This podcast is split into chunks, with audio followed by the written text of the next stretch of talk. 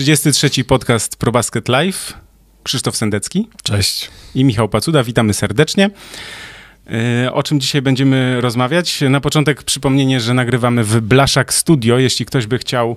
O, poczekaj, bo ja a masz, mam dźwięk włączony. Widzisz? Włączyłem się z dźwiękiem. Blaszak Studio, jeśli ktoś by chciał w Starych Babicach nagrywać rapy albo inne piosenki i pieśni albo Rapsy. podcasty. Rapsy, przepraszam. To oczywiście y, może też y, skorzystać. Blaszak Studio polecamy. Zapraszamy do komentowania. Już widzę, że pojawiają się y, głosy. Witamy serdecznie. Cześć, cześć. Siema, siema. Dobry wieczór. Tak jest. Y, Jesteśmy. Będziemy czytać komentarze, ale najpierw poprosimy Was o takie komentowanie na bieżąco tego, o czym będziemy e, rozmawiać, a będziemy rozmawiać dwie godziny o NBA. E, Więc takie może pytania inne, niezwiązane z tym, o czym będziemy rozmawiać, proponujemy pod koniec, bo wtedy tak przewidujemy też czas na właśnie e, pytania różne, nazwijmy to. No i tak, e, to co, oczywiście łapki w górę. Oczywiście łapki w górę. Kliknąłeś?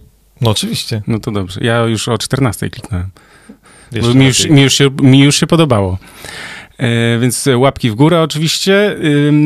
Ja przypominam też, że codziennie na probasket.pl o 7 rano wyniki z relacjami, a w weekendy o 8 rano, także chłopaki e, dobrze pracują, widzimy to po odsłonach, także e, jeśli ktoś szuka dobrego źródła NBA, to oczywiście przypominamy nie tylko nasz podcast e, co dwa tygodnie, ale też oczywiście probasket.pl e, codziennie. Zastanawialiśmy się trochę z Krzyśkiem, jak sobie rozplanować, jak sobie ułożyć taki, nazwijmy to, scenariusz tego, tych podcastów, no bo się spotykamy już cyklicznie i nie zamierzamy przerywać. I uznaliśmy, że sobie będziemy po prostu przygotowywać kilka tematów. Jedne będą krótsze, drugie będą dłuższe. Troszkę się będziemy informować na temat, żeby się nie dublować też, ale że jeśli na przykład z czegoś wyjdzie dłuższa dyskusja, to po prostu wyjdzie, a jeśli nie wyjdzie, no to po prostu przechodzimy do e, dalszego, do dalszych, e, do dalszych wątków i myślę, że to jest chyba taka formuła, którą nam się będzie sprawdzać e, w, tutaj podczas naszego nagrania na żywo. Oczywiście też jeśli ktoś się włączy e, albo na przykład będzie musiał się wyłączyć, to oczywiście może obejrzeć z odtworzenia, ale też przypominamy, że w formie audio e, na Spotify i też na podcastach Apple oraz Google jest y, taka możliwość. Ja to wrzucam no, po zakończeniu podcastu, myślę, że no, ze 2-3 godzinki, a więc jak rano ktoś by chciał w środę rano, to już, to już będzie taka e, możliwość. Z opisem minutowym, dajcie mi chwilę, środa po południu, wieczorem na pewno będzie, bo to też muszę do tego przysiąść, opisać, żeby było ciekawie i fajnie, bo to też e, mam taką informację, że od y, wielu osób, że ten podział na takie te rozdziały to jednak też ułatwia, e, no bo nie wszyscy chcą na wszystkie tematy oglądać albo gdzie skończyli i tak dalej, i tak dalej. Także to jest mm, tak. Czy ja coś jeszcze chciałem takiego ważnego powiedzieć? Tak, że kolejny podcast we wtorek 16 lutego o godzinie 21. Michał będzie miał wtedy już 40 lat. I tutaj Hashtag smuteczek. hashtag smuteczek i tutaj powinna wjechać, inżynier Karwowski powinien wjechać z muzyczką 40 lat minęło i tak dalej. Tak jest. Tak, tak będzie. Ym, To skoro smuteczek, to zacznijmy teraz od jakichś e, pozytywnych, dobrych informacji. E, Zaczniemy od power rankingu ESPN, bo ESPN e, publikuje Power ranking, czyli to, jak mocne są drużyny w ich ocenie w danej chwili. Ja powiem, jaka jest pierwsza piątka, a potem sobie omówimy te e, pięć drużyn. A więc na pierwszym miejscu są Los Angeles Clippers, na drugim Los Angeles Lakers, na trzecim Philadelphia 76ers, na czwartym Utah Jazz, a na piątym Denver Nuggets. No i teraz Krzysiek, bardzo proszę o Clippers i o Lakers, żebyś opowiedział troszkę. Po pierwsze, e, ja jednak będę się upierał, że Lakers wyglądają dla mnie lepiej niż Clippers, mimo wszystko trochę lepiej, a najlepiej z tego wszystkiego, bo Lakers to dużo mówiliśmy e, w tym sezonie, no bo siłą rzeczy e, musimy mówić i cały czas mam takie wrażenie, że Lakers nie grają e, tak naprawdę na 100%, że tam jeszcze może się więcej wydarzyć, że tam jeszcze ci niektórzy zawodnicy mogą dać więcej. Dennis Schroeder może dać jeszcze więcej, Montrell e, Harrell może dać więcej. On zaczyna wyg- wyglądać, zaczyna wyglądać jak ten gość z poprzedniego sezonu z Clippers, Wesley Matthews też coraz więcej, więc jakby ta ławka rezerwowych jest tam bardzo głęboka. Cały czas e, Mark Gasol, wydaje mi się, że to było dobre posunięcie jeszcze spokojnie, bo wiem, że on ma wielu krytyków, ale patrzymy na wiek Marka Gasola, ale patrzymy też na jego doświadczenie i to, co potrafi zrobić i w ataku, ale i oczywiście w obronie. I to wszystko jest e, gdzieś tam, cały czas patrzę pod playoffy, cały czas e, Los Angeles Lakers, jak dla mnie, wyglądają najlepiej. Natomiast no, ale tego, chodzi o tu i teraz. E, z tego, no chodzi o tu i teraz, e, no to w tym momencie no Clippers są minimalnie przed nimi w tabeli. Natomiast e, z Lakers absolutnie najlepiej wygląda LeBron James i to jest rzecz, której ja się chyba nie do końca spodziewałem, bo raczej spodziewaliśmy się LeBrona Jamesa, który trochę będzie odpoczywał, trochę będzie się oszczędzał, czy będzie oszczędzany, że są, przyszli tam młodzi, którzy mają e, biegać, jak, jak Dennis Schroeder, zdobywać punkty, jest Antony Davis e, i tak dalej, i tak dalej. Natomiast LeBron James to wygląda jak LeBron James z Miami Heat, gdzieś tam z 2012-2013 roku. On jest absolutnie niesamowity e, w ataku, energetyczny, że tak powiem, bo to, to, to, co się dzieje po obu stronach parkietu w wykonaniu LeBrona Jamesa w większości tych meczów, to jest rzecz niesamowita. Gra dużo, rzuca dużo, zbiera, podaje, e, robi na parkiecie wszystko, ma dookoła siebie mnóstwo świetnych graczy i Los Angeles Lakers siłą rzeczy wyglądają świetnie.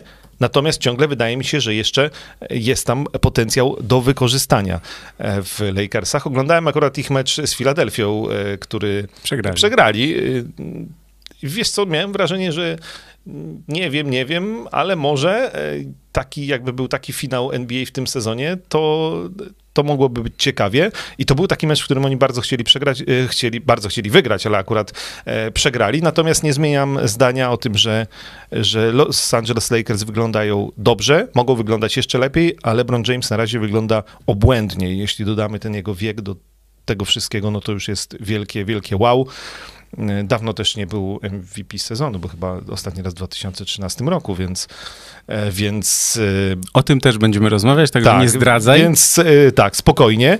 Natomiast Clippers, którzy gdzieś ten sezon zaczęli może nie do końca poukładani, też mieliśmy dużo wątpliwości, bo oni oczywiście pamiętamy, że koniec końców fatalne dla nich playoffy, znaczy fatalne pożegnanie, później te wszystkie dramy, odejście trenera do Cariversa, e, gdzieś tam te wywiady Pola George'a, e, nie do końca wiedzieliśmy, jak to wszystko się poukłada, natomiast na razie wygląda, że się układa bardzo dobrze. Trzeba pamiętać, że Kawhi Leonard i mm, Paul George to są oprócz tego, że zawodnicy, którzy też mnóstwo kreują e, gry, czasami też no, jako po prostu rozgrywający, to są znakomici obrońcy. Znaczy Kawhi Leonard jest jednym z niewielu ludzi w NBA, który potrafi moim zdaniem powstrzymać LeBrona Jamesa e, w takiej formie, jak w tej chwili LeBron James jest. Do tego Pojawiły się niedawno pogłoski, że Clippers się interesują Derekiem Rose'em, no to ja bym chętnie przyjął jeśli byłbym Los Angeles Clippers, Derricka Rose'a, bo trochę na pozycji rozgrywającego jednak mi tam zgrzyta. E, ja nie jestem wielkim fanem ani Reggie'ego Jacksona. No Pat Beverly wiadomo jest dobrym obrońcą.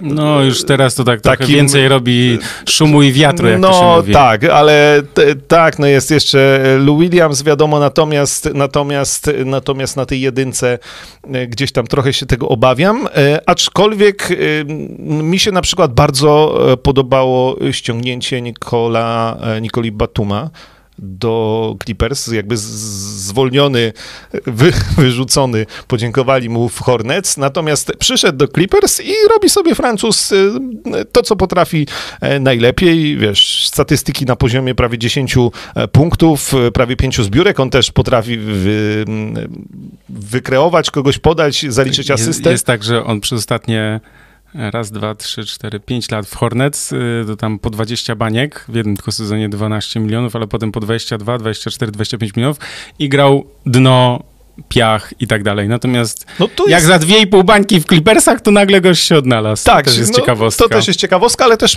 być może ma po prostu łatwiej, bo ma dookoła e, lepszych zawodników i też dzięki temu on wygląda e, dużo e, lepiej na, na tle, wiesz, Pola George'a czy, czy, czy Kawaja Leonarda, jest Sergi Baka. No, naprawdę ta drużyna, bo myśmy przed sezonem rozmawiali, że Clippers w porównaniu z Lakers, to się przede wszystkim im dalej w ławkę, na ławkę rezerwową patrzymy, tym jest większy problem. Natomiast ja już aż tak wielkiego problemu w tej chwili nie widzę w Los Angeles Clippers i z Polem George'em i Kawajem Leonardem w świetnej formie, bo oni są w świetnej formie, tak jak LeBron James. No ten sezon jest pod tym względem ciekawy, że, że po, to są zawodnicy, po których szczególnie Kawhi Leonard i LeBron James spodziewaliśmy się, że, że nie do końca będziemy ich oglądać w najlepszej formie i w ogóle oglądać dużo. Mhm. Natomiast oni jak grają naprawdę wyglądają bardzo dobrze.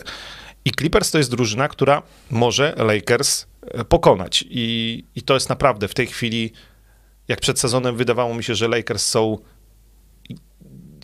o jeszcze jeden krok więcej przed Clippersami e, niż po poprzednim sezonie, kiedy byli mistrzami NBA, e, to teraz mi się wydaje, że Clippers gonią. No i ESPN twierdzi, że na ten moment ich przegonili. Ja bym się upierał, że Lakers jednak wciąż, jak miałbym stawiać, na przykład teraz ich starcie w playoffach, to postawił na Lakers. Natomiast nie byłaby to wielka niespodzianka, gdyby Clippers jednak e, tą rywalizację wygrali. To prawda. Ja jeśli chodzi o Clippers, to powiem tak. Kawhi Leonard w końcu gra tak jakby no, mam wrażenie, że czuje, że jest zdrowy. To znaczy, walczy w obronie, nie opuszcza meczów, to też jest ważne. On rozegrał 17 spotkań, ale mm, tam opuścił kilka meczów ze względu na to, że tam dostał chyba cios, tak, w nos i, i e, no nie mógł z tego powodu grać, ale gra w tych tam dzień po dniu, e, nie jest oszczędzany, gra bardzo dobrze, średnia prawie 26 punktów, 5 zbiórek, ponad 5 asyst, prawie dwa przechwyty, także naprawdę bardzo dobrze. E, też zaledwie 1,6 straty, to też jest ważne. Paul George też rewelacja, 26 ponad punktów, 23 ponad y, punkty na mecz i on też jest y, w wysokiej formie. O Kawaja Leonarda się nie boję. Jeśli widzę to, że on zaczął e, grać e, tak, jak od niego oczekiwano w zeszłym sezonie, tak? To też jest to, też jest to. pamiętasz, mówiliśmy poprzednim razem, jak mówiliśmy o Brooklyn Nets, to ja wspominałem Miami Heat, którym było też ciężko na początku i też nie wygrali w tym pierwszym sezonie, prawda, mistrzostwa. I, w, I tutaj myślę, że może być podobnie z Clippers, że oni ten pierwszy sezon potrzebowali na trochę odnalezienie się w tej sytuacji nowej. E, Kawhi Leonard i Paul George razem, to trzeba poukładać, oni się muszą poznać i tak dalej, i tak dalej. Oczywiście teraz jest zmiana trenera, e, też zmiana też kilku zawodników, Sergi Baka e, zamiast Harela, więc jakby tutaj jest też kilka zmian, ale rzeczywiście Clippers wyglądają dobrze, ale też to, co mówisz, to jest prawda, że jednak y, ta ławka rezerwowych jest y, krótka i no nie zdziwiłbym się, tak jak mówisz, gdyby była taka chęć, jeśli chodzi o pozyskanie na przykład właśnie Derricka Rose'a. Widzę tutaj też ławka Clippers nie taka zła. No, no niby nie taka zła. Oczywiście, że jest Lou Williams, Morris, Kennard, Zubac, ale no, tam jeszcze na pewno przydałby się zawodnik, który, który też by wniósł y, trochę w ataku, więc, y, więc myślę, że no, oni są na bardzo dobrej drodze do tego, żeby grać y, w finale, w finale konferencji jak najbardziej. W tej chwili tak. W tej chwili na zachodzie jak mielibyśmy patrzeć, to, to, to, to, to jest finał no, no. zachodu, ale, no właśnie. Ale, ale, ale zobacz, ale... pięć, dru, znaczy cztery drużyny z tych pięciu na pierwszym miejscu są z zachodu, bo jeszcze Jazz i Nuggets. Na trzecim miejscu są Sixers. Mogę teraz, tak? O ja o Sixers? Możesz, proszę bardzo. Dobrze, a więc tak, Seth Curry i Tobias Harris są w bardzo dobrej formie. Doc Rivers troszkę ja jestem sceptyczny wobec takiego e, uznawania go za super wielkiego, najlepszego w ogóle trenera i tak dalej. Natomiast to, co zrobił Doc Rivers e, w Filadelfii, to przede wszystkim poukładał e, grę drużyny, rozciągnął dzięki oczywiście współpracy z Darylem Morejem, jak zbudowali drużynę, tak? To też, jest, to też jest ważne, że teraz ten tak zwany spacing, czyli Joel Embiid jest tam y, sam pod koszem i może grać jeden na jeden. Y, Doc Rivers, moim zdaniem, wyciągnął w tej chwili wszystko to, co jest najlepsze z każdego z tych zawodników. Ben Simmons już może być sobą, czyli może być Benem Simonsem, nie musi być kimś, kim nie jest, tak? To znaczy, że nie ma oczekiwania wobec niego, że on ma nagle rzucać za trzy punkty. Jak nie rzucasz, to nie rzucaj. Skup się na swojej grze, na swoich atutach, tym, co, tym w czym jesteś najlepszy. I rzeczywiście y, to się na razie Riversowi udało. Sixers są na jak najlepszej drodze, żeby być najlepszą drużyną na wschodzie. Natomiast no, trzeba też powiedzieć o Embidzie, którego wiem, że ty jesteś fanem. Natomiast ja miałem co do niego wątpliwości i, I tutaj, no nie wiem, czy teraz mówić o nim, czy już przy MVP mogę powiedzieć teraz, bo, bo to jest, y, troszkę nam się będzie mm, tutaj, będziemy powtarzać, może właśnie tego już nie będę powtarzał. O. Joel Embiid ma dopiero 26 lat. On stracił dwa lata na kontuzję, przez kontuzję. Potem wyglądało to tak, że on chce wszystkim, chciał wszystkim udowodnić, że jest zdrowy. Walczył ze sobą, z kibicami, z dziennikarzami, z rywalami. Ogólnie mętlik w głowie musiał mieć dosyć duży, moim zdaniem. Natomiast trochę jak, mam takie poczucie, że jak doszedł do ładu sam ze sobą, to mógł się skupić na grze. I teraz jego średnia ponad 28 punktów, 11 zbiórek, yy, też mecze powyżej 40. Rewelacyjny Joel Embiid, też jeden z głównych e, kandydatów do, do MVP. Także tutaj y, szacunek dla Doka Riversa i Derla Moreya, że ten zespół tak poukładali, też tak, zbu tak zbudowali. Danny Green doszedł też przecież jako strzelec z dystansu. Nie, nie przez przypadek właśnie taka była potrzeba, żeby, żeby, Sixers, żeby Sixers odnosili sukcesy. Ja jeszcze o Sethie, Sethie jak to ładnie można powiedzieć, Kerem powiem, bo też padło takie pytanie odnośnie Karego y, co takiego ma, bo Karol, Karol y, Malajszczak zapytał tam we, no, w jednym z komentarzy napisał, co takiego ma Steph Curry, czego nie ma Set, nie licząc mistrzostw i wyróżnień oczywiście, kwestia organizacji, do której trafiali, presja oczekiwań na, na tym młodszym bracie, czy po prostu inna skala talentu.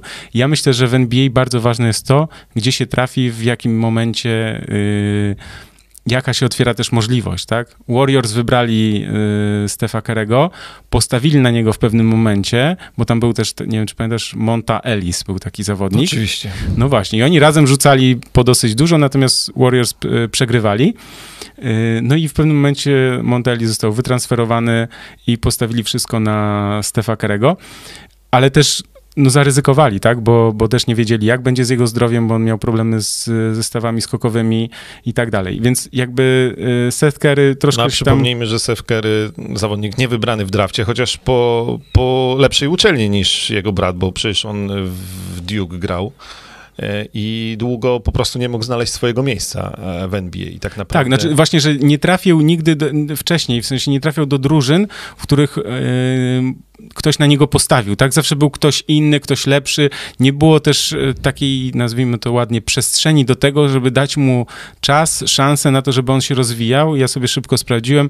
Dopiero w sezonie 2016-2017 w Dallas grał po 25 min 29 minut na mecz i rzucał e, prawie 13 punktów. I wtedy dostał tę szansę i rzeczywiście pokazał swój talent. No i teraz oczywiście w Filadelfii jest ten jego talent e, też wykorzystywany. Trafił trafia trójki jak szalony na 50% skuteczności, także 14 punktów na mecz. Także to też jest taki proces bardzo ważny, w sensie w kontekście w ogóle NBA, bycia zawodnikiem w NBA, żeby trzeba trafić w dobre, w dobre miejsce, po prostu w odpowiednim czasie. A jednocześnie nie musi być i nie jest jakby największą gwiazdą i liderem tej drużyny, to znowu też y, jest jednak troszeczkę łatwiej, trafił w dobre miejsce, ale tu umówmy się, liderem w tej chwili jest Joel Embiid, który gra absolutnie najlepszy, tak jak powiedziałeś, sezon y, i jest genialny, mobilny i w ogóle ja się mega cieszę, że e, centrzy jeszcze nie umarli. To jeszcze, jeszcze dojdziemy tak do tej jest. dyskusji e, I, i, za każdym razem, jak, jak oglądam Filadelfię, jak oglądam Joela Embida e, robiącego mnóstwo rzeczy na parkiecie i z jednej i z drugiej strony i to, to się po prostu cieszę, że, że tak jest. Ben Simmons, no to co powiedziałeś, no, no rzeczywiście, no to, to jest takie proste. No, Po co mu kazać rzucać za trzy? Niech on e, rozdaje te swoje asysty, niech on dobrze broni, bo, bo też jest przecież świetnym, znakomitym obrońcą, bardzo mobilnym, a jednocześnie bardzo szybkim. Tobias Harris mógłby być liderem wielu drużyn w NBA. Tak, ale zobacz, tak... znowu do River z niego wyciągnął to wszystko. To, tak jak w Clippersach tak, Tobias te... Harris był świetny, tak, tak, teraz, tak teraz tutaj. Tak, no więc jakby to Filadelfia na ten moment wygląda na bardzo poukładaną drużynę przez Doka Riversa. Zobaczymy, jak to będzie wyglądało dalej. Ja się zgadzam, jestem, tak, ja zawsze gdzieś tam fanem Joela Embida byłem, Filadelfii też. E, I naprawdę oglądałem mecz Lakers z Filadelfią i tak sobie myślałem, że to, to może być film. To może się udać, to, to może, może wypalić. Udać, no. no. zobaczymy. Dobra, na czwartym miejscu Utah Jazz. Yy, to jest ciekawostka. Utah Jazz, ja troszkę też mam taki flashback tak zwany, prze, tak, przypomniało mi się, że ja chyba w zeszłym roku, jak jeszcze nagrywaliśmy przed sezonem podcast, coś mówiłem, że Utah Jazz mogą zapalić. Jak przyszedł Mike Conley, to miałem takie wrażenie, że, że, że ci Jazz mogą, mogą właśnie eksplodować z formą. To się w zeszłym sezonie nie udało, tak do końca oczywiście mówię, no bo wiadomo, że e, playoffy były takie, jakie były. Natomiast Ostatnio wygrali 11 meczów z rzędu. E, Steve Kerr powiedział, że Jazz e, są e, tam, gdzie byli Warriors kilka lat temu, co jest bardzo dużym wyróżnieniem, myślę. No i słuchajcie, Jazz wygrali ostatnie 11 meczów z rzędu, dopiero Nuggets ich pokonali, przerwali tę serię, no ale jak Jokic rzuca 47 punktów. A i wszystko im siedzi w pierwszej połowie za trzy. Tak, tak, tak, tak, tak. No to, to, zdarzają to jest... się takie mecze. Tak, ale... Chociaż też trzeba wspomnieć, że no tak, no Jokic rzucił, ale też e, Rudy Gobert sobie z nim nie radził. To jest niesamowite. Rudy Gobert, najlepszy defensor w NBA. I, wiesz, miał poważne problemy, no. No, jechał z nim stary okrutnie. Ale słuchajcie, jest też je, jeszcze jedna ciekawostka, że Utah Jazz idą na rekord w celnych trójkach w meczu. To jest w ogóle trudno do, mm, do zrozumienia. Oni jak na razie trafiają 17 rzutów e, średnio, e, a przypomnę, że rekord należy do Houston Rockets, którzy w sezonie 2018-2019 trafiali 16,1. Więc prawie jedną trójkę więcej trafiają jazz, więc e, zobaczymy, jak to się dalej będzie układało. No i to jest też jedna bardzo ważna rzecz, którą sobie też tak tam poszperałem i, i w statystykach poszukałem, że wtedy, kiedy Jazz, y, kiedy Rockets y, trafiali te 16 trójek, to mieli średnią 42 zbiórki na mecz, y, a Jazz mają prawie 50 to też jest ważne, bo wiesz, rzucasz dużo z dystansu, jak no, nie masz deski w ataku, no to jest, możesz mieć problem, tak? Natomiast tutaj e, Jazz wiemy, że tam Derek Favors wrócił, więc tam Rudy Gobert oczywiście jest też e, nadal e, siłą pod koszem. No i oczywiście jest e, Donovan Mitchell, który też jest w formie MVP, ale mm, to jest też e, ciekawe, że ma najwyższą średnią, jeśli chodzi o asysty w karierze. I trochę patrzę na, do, na E, w taki sposób, że on też potrzebował chwilę, żeby się odnaleźć w NBA, żeby zobaczyć, co trzeba robić, żeby drużyna wygrywała. Bo on wcześniej był skupiony na sobie, tak naprawdę, w sensie na zdobywaniu punktów, na takim pokazywaniu, jak to jest dobrym zawodnikiem. Natomiast teraz nie bierze wszystkiego na siebie i chętnie oddaje partnerom, y, też stawia na nich. Y, widać, że, widać, że po prostu zmądrzał, że wie o co chodzi, jeśli drużyna ma wygrywać, a nie tylko on ma wykręcać yy, jak najlepsze statystyki.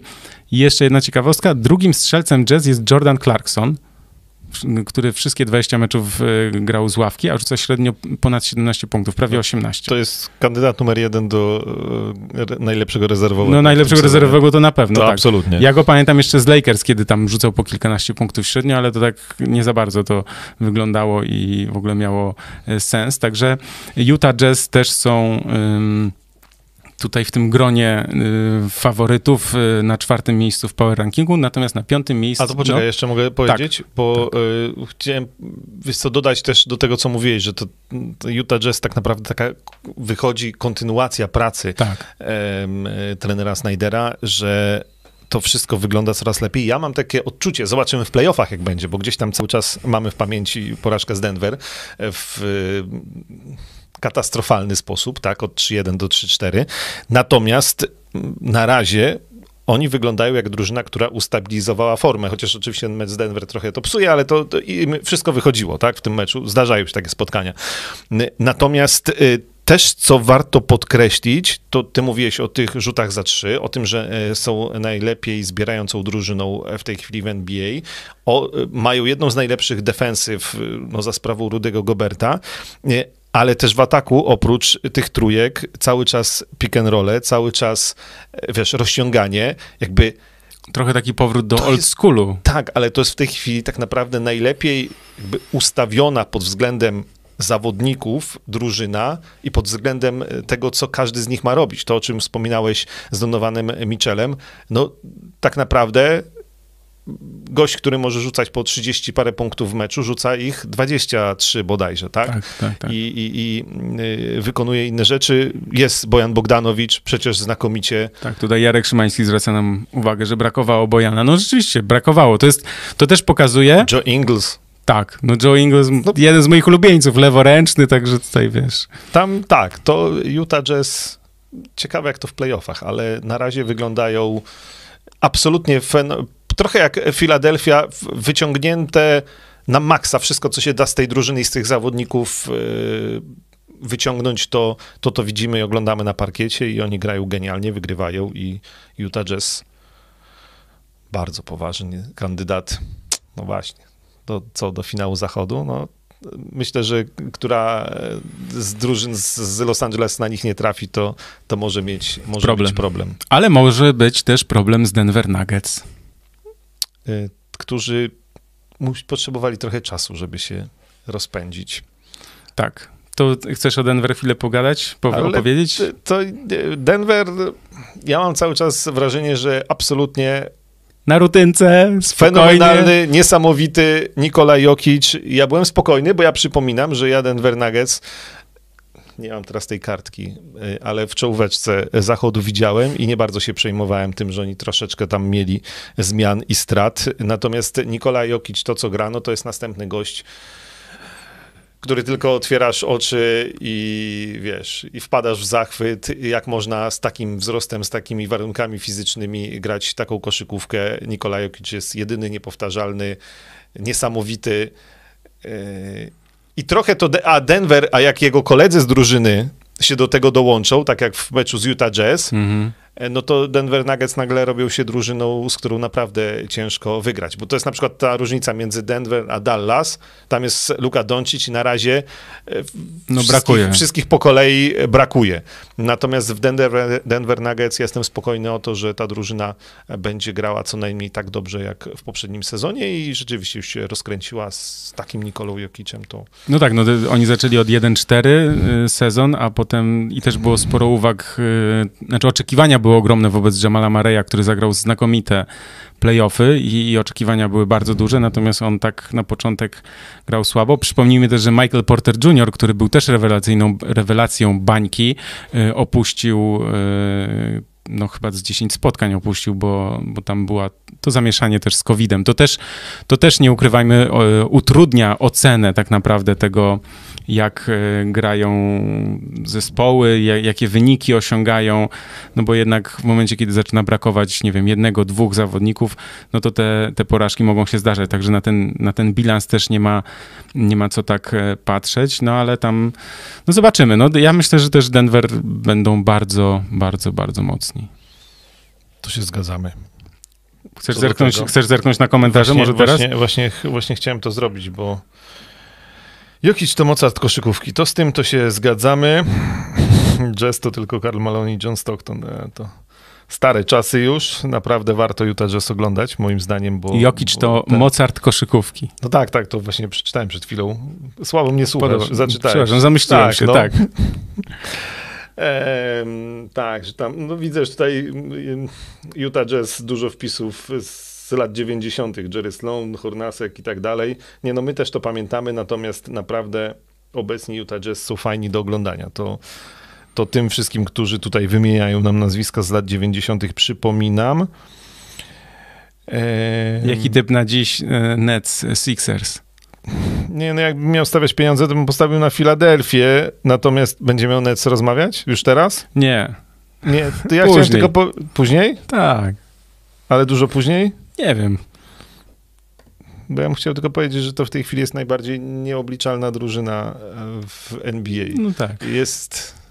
Tak. Nie, to ja, tak, tak, bo ja coś przygotowałem też odnośnie statystyk, to na razie to A, to zostawimy Może sobie tak, Brooklyn Nets. Dobrze, to jeszcze o Brooklyn Nets powiemy. tak jest. Dobrze, to przechodzimy do następnych e, tematów. Ja mam taki krótki temacik, e, pewnie wszyscy widzieli, ale to myślę, że to bardzo, e, bardzo warto podkreślić, przypomnieć, że takie szaleństwa Blazers i Wizards, Wizards zresztą właśnie przeciwko Nets, obie drużyny przegrywały pięcioma punktami na 10 sekund przed końcem, a mimo to wygrały. I teraz e, ESPN podało taką informację, że w ostatnich 25 latach tylko 9 razy wygrał zespół, który na 10 sekund przed końcem przegrywał różnicą co najmniej 5 punktów. Niestety, bo jest 9 do, uwaga, 23 498. Niestety nie ma takiej statystyki, mm, jak to było, kiedy drużyna przegrywała pięcioma czy sześcioma, bo oczywiście w tych 23 tysiącach ponad meczów są też różnice, kiedy tam było plus 30, tak? No to nic dziwnego, że, że ktoś nie odrobił 10 sekund 20 czy 30 punktów, wiadomo, ale e, niesamowite jest to, że dwa z tych dziewięciu meczów e, odbyło się w ostatnich dniach w ostatnich dniach stycznia i ja podrzucam taki e, filmik, co u nas się też znalazł na kanale, żeby zobaczyć właśnie te dwie końcówki e, Blazers Damiana Lillarda, który rzucił tam chyba z 10 czy 2 11 metrów, e, a potem była piłka sporna i on znowu trafił na zwycięstwo. Y, Mecz Wizards-Nets był jeszcze bardziej y, pokręcony. Nets stracili 40 chyba 8 punktów w, czwartej kwarcie, także to też dużo mówi Na końcówkę, że- umówmy się, przegrali tak czy inaczej na, na, na, własne, życzenie. Ale wiesz, Bradley Bill trafił tam, nie wiem, z 8 No, metra czy To coś. jeszcze rozumiem, to Tak. się może zdarzyć, ale później to, co zrobił Joe Harris tam przy wyprowadzeniu piłki, no to to jest tak zwany koszykarski kryminał, to w U14 za to się siada na ławce rezerwowych i nie podnosi przez najbliższe 6 meczów. Ale widzisz, a ja bym, wiesz, ja bym troszkę wytłumaczył Joe Harrisa. On dopiero gra pierwszy sezon z Kevinem Durantem. Bo chyba Kevin Durant tam wychodził, no wiadomo, jako znakomity strzelec z osobistych też, to, to on po piłkę, tak? I on zrobił zwód w jedną stronę, a Harris w tym momencie podał. I Durant poszedł w drugą stronę. I dlatego powstał ten, z tego wynik ten, ten przechwyt, tak? Brak zrozumienia, brak tego doświadczenia wspólnej gry, moim zdaniem tutaj wyszedł po prostu, y, no jak, naj, jak najbardziej widoczny, tak? To znaczy on nie wiedział, następnym razem już będzie wiedział, będą to ćwiczyć na pewno, że te wyjścia właśnie i tak dalej, tak? Chciał podać mu szybko, ale nie wiedział, że Durant robi, ma w zwyczaju robić taką rzecz. Jak grasz z kimś cały rok, czy dwa, czy trzy, to wiesz dokładnie, jak on się zachowuje w danych momentach, tak? Czyli następnym razem już będzie wiedział, że Kevin Durant robi zwód i potem wychodzi w drugą stronę, tak? Albo zaczeka. No, więc tu bym był e, też tak trochę jakby właśnie taka rzecz by w Utah Jazz y, czy Denver Nuggets się nie zdarzyła, tak? Tak, no ale te statystyki też potwierdzają to, że takie rzeczy po prostu się praktycznie nie zdarzają. No to gdzieś tam wynika z y, też błędów. No oczywiście ten rzut Lirarda doceniam niesamowicie. No też trochę szczęścia mieli, no bo przy, przy piłce spornej, ale, ale sam rzut y, z mega nieustabilizowanej pozycji, gdzieś tam wypadając za linię Jeszcze boczną ten z Markanen, obrońcą, Markanen przecież Tak, z ręką tak, tak. skaczący, no to Więc- wysoki bardzo zawodnik. mega wow, więc e, no, od czasu do czasu e, to się zdarza, to się zdarzyło w ciągu e, tak naprawdę Dwóch dni. jednej chwili, tak? E, Wiesz co, bo mamy tutaj pytania o Memphis, bo ja sobie w sumie napisałem, byliśmy przy power rankingu, ale chciałem powiedzieć, No to że... możemy, że już power ranking kończymy i teraz możesz opowiedzieć drużyn, o Memphis. Wiesz co, z tych drużyn, które poza power, znaczy nie na czele power rankingu, to Memphis Grizzlies trochę jak ostatnio mówiłem o San Antonio Spurs, trochę drużyna, która jak się zakręci koło playoffów, to, To będzie się, sukces. to będzie wielki sukces, ale ja naprawdę szanuję to, co robią w Memphis Grizzlies. Zabrakło ich w rozmowie o najgorszych, najlepszych organizacjach e, w NBA, bo powinni należeć do tych najlepszych, bo na tym trudnym jednak rynku w Memphis, gdzie nikt nie chce grać i to ciągle jest to samo, to, e, to ta drużyna ciągle jest jakoś tam silna. I znowu mam wrażenie, że buduje się dobra drużyna, złożona z zawodników, e, o których istnieniu większość nawet kibiców nie ma zielonego pojęcia i oni sobie grają i wygrywają. Ostatnio akurat pokonali to wysoko San Antonio Spurs, ale to ich Spurs też bym nie skreślał. Natomiast przypominam, że mm, tam właściwie taka jedyna wielka gwiazda, czyli Jamorant, e, przez sporą część sezonu był kontuzjowany. Oni sobie bez niego e, poradzili. E, ale musimy też zaznaczyć, że oni chyba 5 czy 6 spotkań mieli przełożonych. Tak, oni mają, oni mają mniej w ogóle meczów rozegranych tak. niż Lakers i Clippers zwycięstw na koncie, więc to też na razie jeszcze Ale spokojnie. tu jest tabela procentowa. Tak, to jest tabela procentowa. Jest 9-6, więc Memphis są na na, na, piątym e, miejscu, bo mają 60%, więc, e, a nie, nie, bo gdyby była tabela punktowa, to byliby na końcu, ale dlatego właśnie się używa tabeli procentowej, żeby to odzwierciedlało siłę drużyny, a nie to, ile ktoś ma punktów. I teraz e, uważaj, no, no. bo jeszcze jedna, jak chciałeś statystyki, tylko próbuję zliczyć, bo oni są też trochę jak e, w europejskiej koszykówce. E, jak sobie popatrzysz na to, ile minut grają ci zawodnicy, to wyjdzie, że tam rotacja, czekaj, 4, 5, 6, 7, 8, 9, 10 gości gra powyżej 20 minut i nikt nie gra powyżej 30 minut. A jeszcze do tego są Dieng, który gra 18, e, więc jakby jak, jak w Europie. Rotacja, panie... Także nie ma, nie ma Cała takiego, ławka gra. Tak, nie ma takiej nastawienia na liderów, y, którzy grają po, nie wiem, 35 czy 40, jak w Brooklyn Jamorant Nets. 28 minut w tych siedmiu meczach dotychczasowych, tak? Czyli... No tak, tutaj widzę, że... No tak, Kyle Anderson 29 minut. Tak, no więc jakby... Brandon Clark 28, no, Jonas Valanciunas 27. I jest cała drużyna, tak naprawdę 10 chłopak, którzy sobie wychodzą i grają po 20 kilka minut. Na razie się to sprawdza i Memphis Grizzlies rzeczywiście, e, rzeczywiście nie wiem, czy, no nie, no warto zobaczyć też, jak to, jak to wygląda. Oczywiście nic wielkiego z tego nie będzie, natomiast myślę, że właśnie sukcesem będzie tej drużyny już, jeśli ona awansuje do e, playoffów. Natomiast z tych drużyn, które jeszcze warto pochwalić ostatnio, no to Houston Rockets oczywiście. Ale to zostaw mi Ale, na tak? później. Tak, Houston ja mam też ciekawostkę. Dobrze, no. Houston Rockets zostawiamy na później. E, tak. A na minus to Dallas Mavericks, nie ma. Nie. I New Orleans Pelicans. I Pelicans też. Ja Minnesota to już skreśliłem. Jest pierwszym, pierwszym odpadem z tego sezonu po raz kolejny. Na potwierdzenie tego, że to jest najgorsza organizacja w NBA i szkoda tylko tego bidnego Karla e, Antonego Townsa, e, którego jeszcze ostatnio się dowiedzieliśmy, oprócz tego, że stracił kilka osób z rodziny przez COVID, że sam przez COVID przeszedł, to jeszcze go samochód potrącił gdzieś tam przed sezonem w ogóle i gra w Minnesocie. Po prostu dramat. E, tak, no niestety. E, lecimy dalej? Tak, MVP? A proszę bardzo. Dobrze. A więc tak, słuchajcie, przez y, pierwsze 20 meczów sezonu y, jest trochę tak, że no tak klaruje się troszkę to, kto będzie brał udział w wyścigu po MVP. No i jesteśmy właśnie po tych 20 meczach i jest duża szansa, że po 20 latach MVP będzie znów środkowy. Bo y, Tim Duncan, ja sobie też sprawdziłem, przez pierwsze 9 lat grał częściej na pozycji silnego skrzydłowego. On był MVP w 2002 i 2003. A więc ostatnim prawdziwym środkowym MVP był Shaquille O'Neal w 2000 roku bo Dirka Nowickiego też zaliczam do silnych skrzydłowych mhm. i Kevina Garneta też. A więc y, pierwszy raz od 20 lat może być środkowy MVP. W latach 90. Y, Hakim Olajuwon w 94 i David Robinson w 95. To pamiętamy. My, pamię my pamiętamy. My pamiętamy. Tak jest.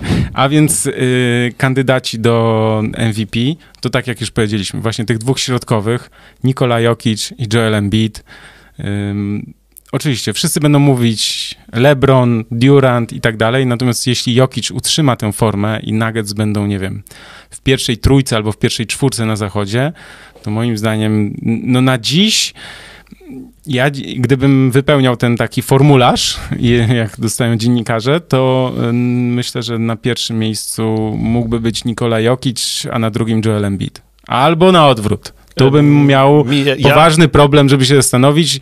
Może nawet za, za ten fragment sezonu, to może nawet Embiid na pierwsze. Wiesz co, ja, mi się wydaje, że może tu być y, jakby decydujące to, co będzie grała drużyna.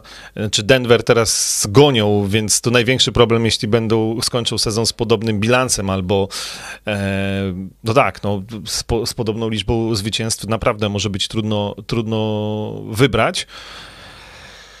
Ja bym powiedział, że Joel Embiid, ale to jest y, też takie y, no, mega uznaniowe i na razie to tak o właściwie, no bo tak, no. Bo... No tak, ale wiesz, już więcej niż jedna czwarta sezonu, bo jeśli po 20 meczów, tak, no to nie mamy 82 w tym sezonie, tylko 72 mają być, więc jakby już, już tak jest, coś nam się tutaj obaj, rozjaśnia, obaj wyjaśnia. obłędnie. Filadelfia jako drużyna wygląda lepiej jak na razie, natomiast y, z drugiej strony Nikola Jokic jako lider y, Denver Nuggets robi więcej, y, żeby to Denver wygrywało na parkiecie, bo nie ma aż takiego wsparcia jak Joel Embiid. Natomiast to, że centrzy na razie na prowadzeniu w tych dyskusjach o MVP to dwóch centrów, to naprawdę duże wow i, i jednak zaskoczenie, bo, bo już w ostatnich latach to zapomnieliśmy o tym, że centrzy mogą e, wygrywać MVP, natomiast no też trzeba pamiętać, że ci centrzy się nam bardzo zmienili, że Joel Tak. Embiid czy, e, czy właśnie Nikola Jokic. Oni no to- rzucają też z dystansu. tak, to są zupełnie inni centrzy niż Mhm. byli w latach 90. Oczywiście gra się zmieniła, przepisy się zmieniły, natomiast, y, natomiast to, że oni rzucają z dystansu, że oni są mobilni, szybcy, y, że to nie są, wiesz, kloc postawiony w pomalowanym, łapy rozciągnięte i dziękuję, do widzenia, tylko naprawdę y, bardzo wszechstronni zawodnicy. Chociaż też ostatnio widziałem, wszyscy się y, trochę podśmiechiwali, że Nikola Jokic zaczął slamdanki ym, wykonywać w NBA, bo był człowiekiem, który się nie lubiał za bardzo odbijać od ziemi, natomiast natomiast y, absolutnie są genialni. Z, no szczególnie Jokic z tymi swoimi podaniami, asystami, to, to w ogóle jest mega wow e, i zupełnie inni censzy niż w latach 90., ale, ale fajnie, że, że oni są i, i że gdzieś tam ta koszykówka wraca też do, no do swoich korzeni, no do tego, że... Trochę tak, bo ten small ball na, nas troszkę Warriors, czy nawet te próby Rockets gdzieś tam nas y, przyzwyczaiły do tego, już mówiło się w ogóle o rewolucji i tak dalej, i tak dalej, ale mi się wydaje, że to właśnie była chwilowa rewolucja.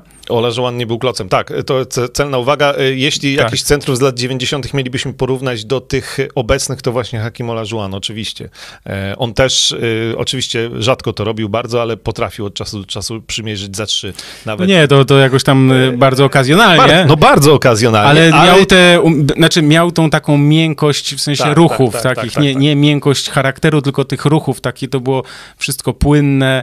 Tak, e, on rzeczywiście Finezja troszeczkę- była tro- troszeczkę ogromna. inaczej. Można powiedzieć, że był takim y, protoplastą, to się tak Jezus Maria, nie używaj takich słów, nie przeklinaj. takim y, pierwszym z tych nowoczesnych centrów, których dzisiaj y, obserwujemy. Tak.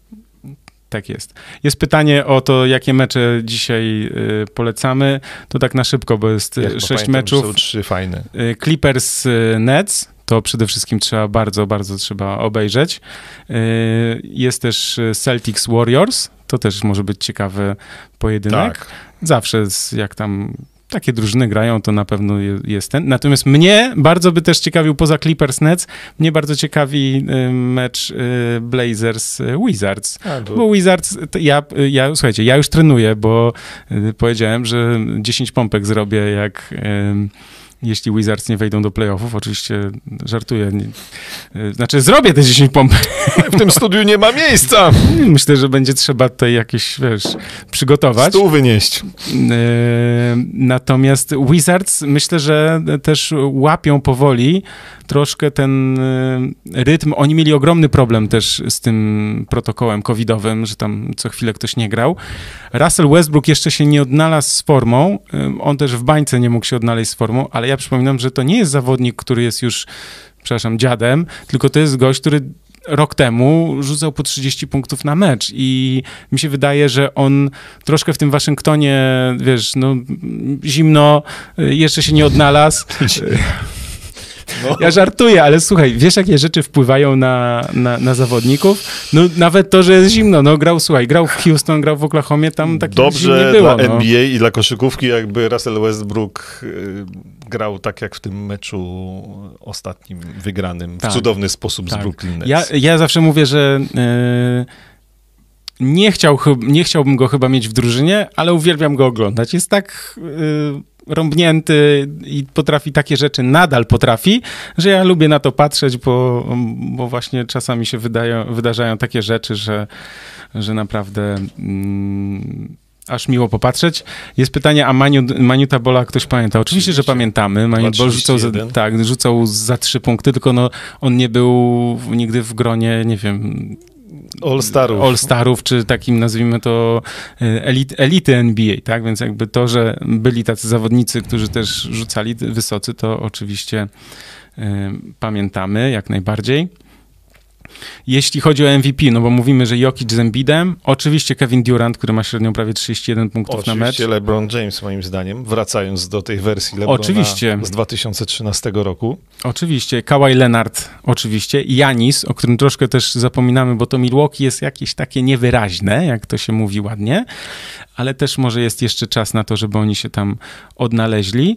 Yy, czyli tak, Durant, który ma najlepszą w karierze skuteczność za 3, bo prawie 45%. Yy, Janis, LeBron też Leonard, ma najlepszą w tej chwili, ponad 40%. Yy, Aż muszę to sprawdzić. Spra sprawdź, bo e, chyba mnie ostatnio, oszukujesz. Nie, nie, nie, nie, nie. LeBron ma e, też e, w tej chwili, to też w dyskusji o LeBronie lekko ponad 40%, moim zdaniem, skromnym.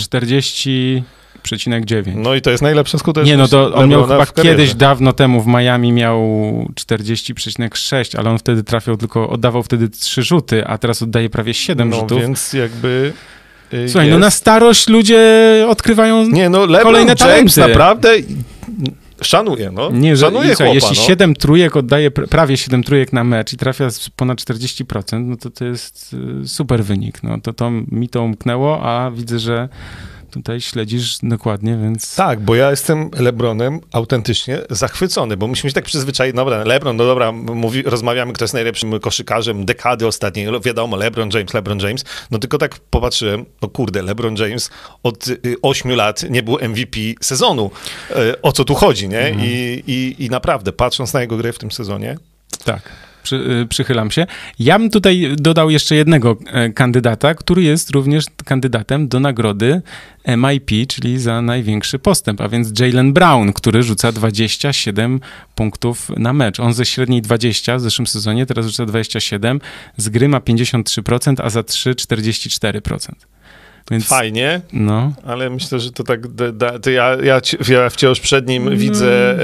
E, Tatiuma? E, no to, to, to, znaczy to w Boston, to w Bostonie to tak, ale w ogóle w tym wyścigu o MVP to, to jeszcze jednak Lillarda bym nie skreślał, chociaż to Portland, no wiadomo też problem, bo Nurkic nie gra i tak dalej, więc oni też tak, no tak, tak mocno tak, tak, nierówno. Tak, e, Lukę Doncicza powoli zaczynam skreślać przez to, jak wygląda Dallas w ogóle w tym sezonie. Spokojnie, Andrzeju, spokojnie. spokojnie. spokojnie.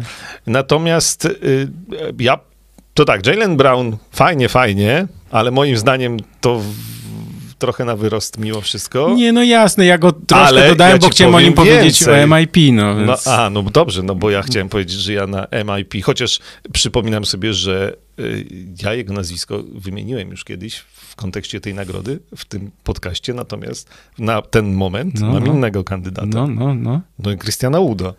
A, no oczywiście, no. Nie, no tak, tak, tak. No ale słuchaj, Jaden Brown rozgrywa najlepszy sezon w karierze. On też nie ma Kemby Walkera, tak? Znaczy nie było przez długi czas i, i, i tutaj no, ktoś musiał wziąć ciężar gry na siebie, więc to też jest taka kwestia. Natomiast, no tak, no Christian Wood też oczywiście jest... Yy, Christian tym... Wood nawet w porównaniu z poprzednim sezonem, o którym już mówiło się, że jest dobry, tak? I wre... no bo to też jest zawodnik, który długo nie mógł znaleźć swojego miejsca w NBA i się gdzieś tułał po nie wiadomo gdzie i tak dalej. Wreszcie wpisał w poprzednim sezonie zerkam na kartkę, za dużo liczb. 13 punktów ponad i 6 zbiórek ponad, no to teraz w Houston ponad 23 punkty, czyli o 10 więcej i prawie 11 zbiórek. No tak, no. i Christian, Christian Wood. Znaczy, Ale mm, tak, zgadzamy się. I to jest znakomity moment, żeby przejść do Houston Rockets. Proszę bardzo. Pan A mówi. Więc, tak, słuchajcie, w ostatnich dziewięciu meczach Houston Rockets mieli bilans e, 6-3, najlepsza obrona w NBA po odejściu Hardena. Defensive rating to się nazywa 102,8. Co ciekawe, Nets w ostatnich dziewięciu meczach e, czwarta od końca, jeśli chodzi o najgorszą defensywę. E, defensive rating to jest taka liczba, straco- liczba traconych punktów na 100 posiadań rywali. Nawet jak jest zbiórka w ataku, to liczymy to jako e, jedno posiadanie. I tu jest, e, ja mam takie wykresy, które e, tutaj mi przygotował, znaczy przygotował, pomógł znaleźć Damian Puchalski, którego serdecznie pozdrawiam i który przygotowuje takie ciekawostki statystyczne na probasket.pl. Więc tak, defensive rating tak zwany, i to jest niesamowite, że Houston Rockets bez Jamesa Hardena, z Wallem, który gra, słuchaj, ja się bardzo obawiałem. Gość nie, gra dwa lat, nie grał dwa lata w koszykówkę i nagle, słuchaj, gra tak jak kiedyś, tak? Więc tam naprawdę Victor Oladipo też jak przyszedł, nawet Cousins zaczął grać, w sensie też po tej kontuzji ma sporo do udowodnienia, no a Christian Wood to jest oczywiście e, rewelacja, także, także tu jest... E, taka, taka rzecz. Ja jeszcze kliknę sobie w taki ranking defensive, e, ten ranking de defensywy mm, za cały sezon, no to najlepszy mają e, oczywiście Los Angeles Lakers. To jest też e, ciekawostka, bo tracą e, niespełna 105 punktów. Potem są Memphis i potem Houston, Philadelphia. I słuchaj, a na końcu, od końca, Sacramento, Portland, e, Waszyngton, Oklahoma, Chicago i Brooklyn Nets. Więc to jest Bez zaskoczeń prostu... można by powiedzieć. Tak. Natomiast nie masz wrażenia, że mm, Houston Rockets jest też drużyną, w której właśnie y, zebrała się grupa ludzi, którzy mają bardzo dużo do udowodnienia, Tak. łącznie z trenerem, jakby też po odejściu, po tej całej dramie z y, Jamesem Hardenem, że każdy, y, i Oladipo, i Wall, i Cousins, y, każdy chce pokazać wiesz, światu. Wall chce pokazać, nie skreślajcie mnie, ja jeszcze jestem All-Starem, jeszcze mogę być liderem drużyny, która wygrywa. Oladipo wreszcie wyszedł z tych e, schematów e, w Indianie i e, tutaj sobie, no trochę przesadzam, że robi co chce, ale rzuca mnóstwo punktów i o, ma więcej luzu. Kazins wiadomo po tych kontuzjach. Trener Silas też No właśnie, bo to chce, też chce chciałem ułożyć powiedzieć. drużynę bez nowy Hardena. trener, nowy trener i nowy generalny menadżer, tak? Więc rewolucja w Houston totalna, tracisz kandydat, znaczy kandydata, tracisz MVP, najlepszego zawodnika, wokół którego budowałeś y, drużynę przez kilka lat i nagle się okazuje, że i tak, masz piki w drafcie w kolejnych latach i nie sięgnąłeś dna. To jest, słuchaj, To bardzo... Tak, tak, tak. Ja podrzucam na czacie em, ciekawostki statystyczne. Jeśli ktoś ich jeszcze nie widział, podrzucam ciekawostki. y, To bardzo y, polecam, bo tu jest y, właśnie takiej ciekawostki Damiana. W Houston, ja czytam komentarze w międzyczasie. E, W Houston Eric Gordon, e, co by się nie działo, zawsze klasa. Mm, To też. O, o, o Sixers już było. Potwierdzam, było. E, tak. Witamy tych, którzy się spóźnili. Będzie zapis dzisiaj w nocy całego live'a na YouTubie. Na YouTubie to będzie od razu. Od razu będzie i A na audio to chwilka, na bo audio musicie na Spotify'ach i tak, dalej wgrać, poczekać chwilę. trzeba opisać i tak dalej. E, Dobrze. Panowie, jeśli każda dekada ma swoją legendę, Karim, Magic, 90 Malon, Błaha. Michael Jordan, przypominam, Że- przypomniał mi się taki jeden Michał, to chyba był on Jordan, był, tak? Prze, prze, przepraszam, z całym szacunkiem dla Karla Malona, nie piszcie takich rzeczy. No. E, e, Później Kobe, LeBron. To, kto waszym zdaniem będzie ikoną tej dekady?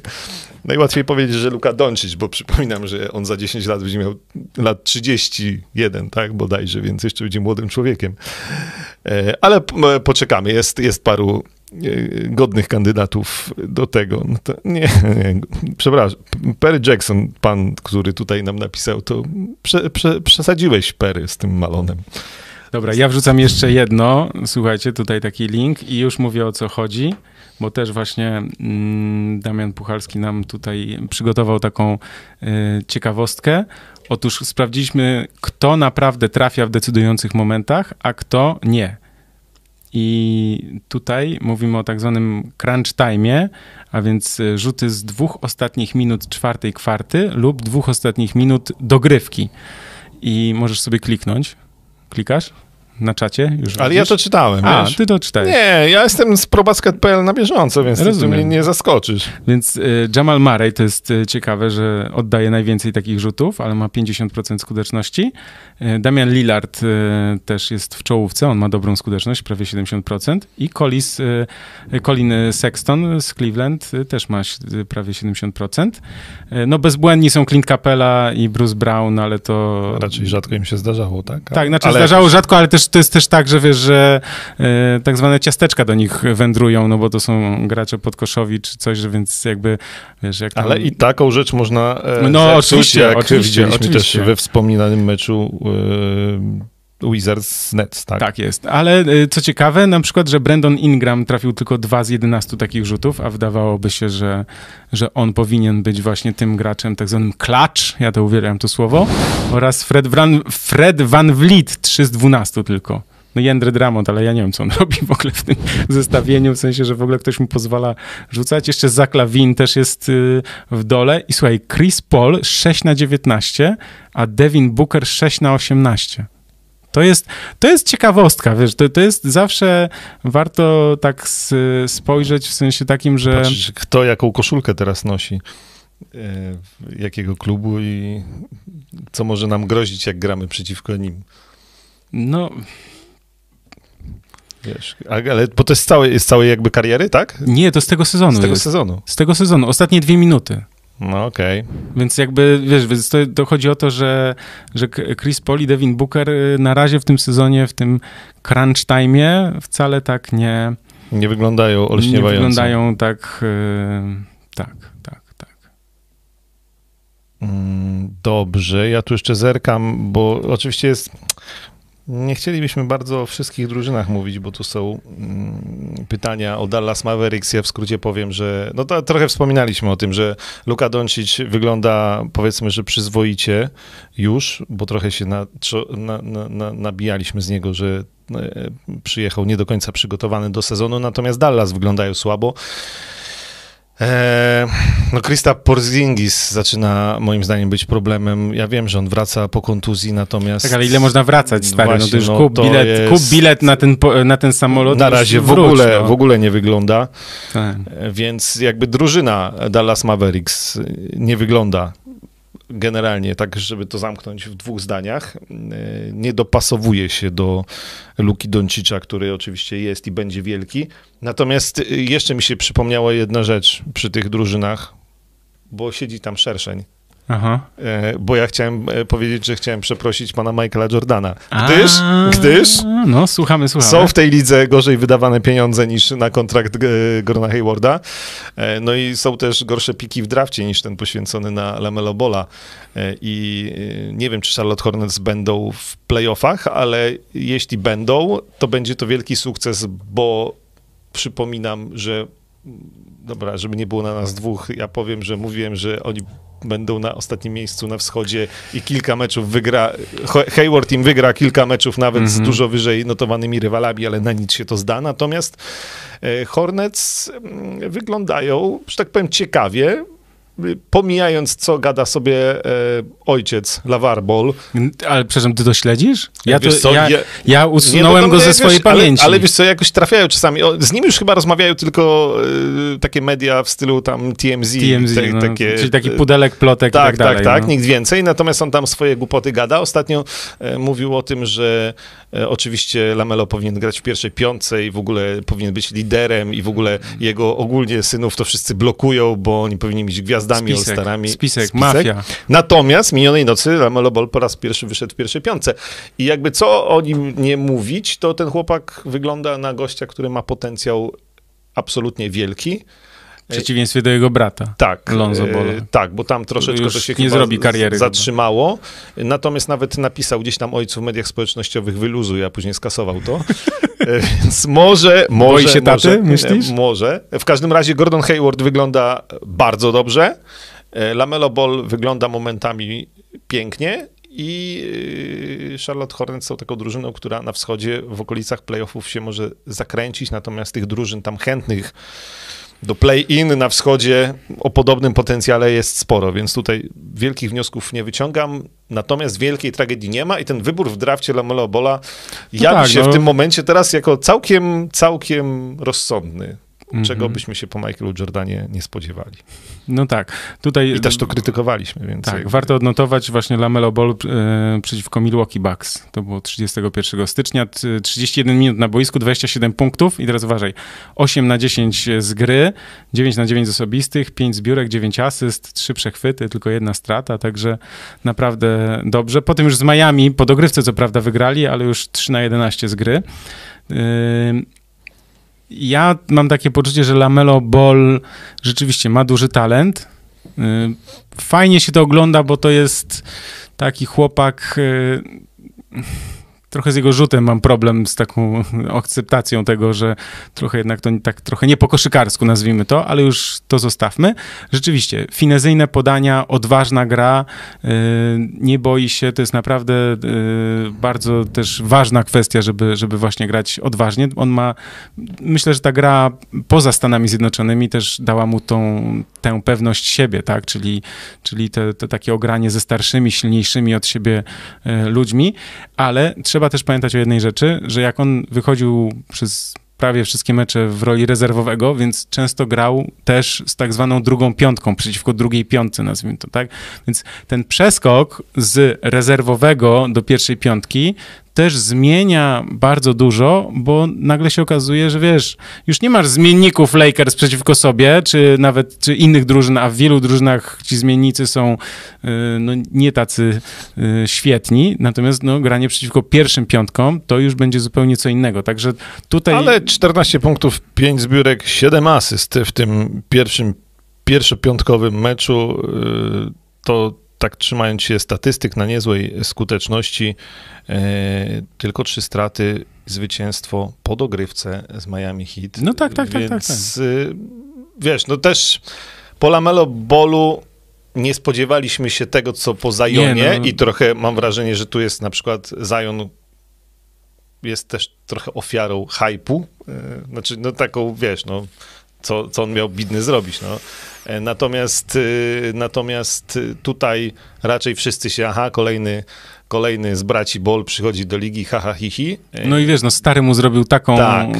taką Natomiast ten antyreklamę, naprawdę, że... naprawdę gra, gra fajnie, efektownie i rzeczywiście wymarzony człowiek do wycinania skrótów i najlepszych do akcji. highlightsów, tak, tak. No jeśli- mega, jeśli bo to- naprawdę tak. Ale też... y, Będziemy obserwować. Tak, Charlotte Hornets y, po raz kolejny mówię, szanuję i naprawdę w tym sezonie nie wyglądają źle. Mateusz Gruszczyński zapytał, czy spóźniłem się na streama, czy był już poruszany temat MVP. No był, także No musisz był. sobie otworzyć, był dosyć nawet obszernie, więc y, zapraszamy. E... Lamelo najbardziej utalentowany z braci. No No, tak, zdecydowanie, tak, tak, tak, tak, to, to, To się zgadzamy. to, to powiedzieliśmy. Czy ty masz jakiś temacik jakiś? ja Jeden? mam dużo, ale Dużo takich- tematów, no to na jeden ci pozwalam teraz. Je, ja mam jeden wybrać. Ale no, Ale wiesz jeden, co, a potem, nie, potem nie, ja mam, ja mam jeden pomysł, bo my dzisiaj, e, zaraz, bo już 22 minęła, No. e, bo ja mam wypowiedź Dino Radzi. E, O Chryste. Dino Radzia, mm, przypominam, znakomity jugosławiański kiedyś, a później chorwacki zawodnik, grał też w Boston Celtics i powiedział, że Harden oddaje 50 trójek w meczu i oni to nazywają koszykówką. I w moich czasach w trumnie mogłeś zginąć. Barclay, Mason, Oakley, Lambier urwaliby ci głowę, spróbuj nabrać ich na fejka w trumnie, a twoja głowa zaraz potoczy się za piłką. No i to jest y, kolejny cytat do dyskusji, do dyskusji o tym, że panie kiedyś to było. Kiedyś to było! była obrona. Kiedy, no, kiedyś to było. Słuchajcie, e, nie, nie pogadamy o tym dzisiaj, bo to jest dyskusja na godzinę i my po prostu tego nie zdążymy. Natomiast jeśli chcecie, żebyśmy pogadali o obronie, to napiszcie w komentarzach, yy, bo ta dyskusja gdzieś tam cały czas wraca przy zazwyczaj kolejnych cytatach, cytatach kolejnych byłych zawodników. Yy, czy ta obrona dzisiaj jest rzeczywiście bardziej miękka, czy tam ta kiedyś była twardsza. No zmieniły się trochę przepisy, ile, tak? No, nawet Więc... bardzo bym powiedział, no, tak. no, właśnie, ile, ile te przepisy zmieniły. O obronie kiedyś pogadamy, ale tak odnotowuję, że Dino Radzio to powiedział. Yy, to jest taki cytat i odkładamy sobie to w dyskusję na mm, jakiś podcast, kiedy nie będziemy mieli o czym rozmawiać. Natomiast Mogę? Proszę. Pro, bo zdjąłem kartkę i mam tu następną. Nie, to teraz rzecz o Michaelu Jordanie będzie, która A. mnie rozbawiła do łez. Napisałem w bardzo skrótowej wersji na Twitterze. Znaczy, trafiłem w ogóle na tą historię gdzieś tam w amerykańskich mediach pisanych, ale ona pierwotnie była w podcaście. E, Główny bohater Antony Anderson, e, musiałem sprawdzić, e, kto to jest. Znaczy, jak wpisałem w Google, wpiszecie sobie Antony Anderson i zobaczycie twarz, to myślę, że skojarzycie. E, to taki aktor, który ja pamiętam go, z, bo też jestem stary prawie jak Michał, z Romeo musi umrzeć taki film sprzed 20 lat, nie? Z niezapomnianą Alia. Dobra, to już jest gorzej. Ale jeszcze był taki, wiesz co? Że e... odpaliłem, go, odpaliłem go na Filmwebie i próbuję, znaczy z, kojarzę twarz oczywiście. Ej, Infiltracja jeszcze... grał, o, o, widzę, że on mam ocenione na ósemkę Infiltrację. E, wiesz co, bo e, on jeszcze grał... E, w... O dwóch takich, co poszli w miasto, Poczekaj. oceniłem na trójkę.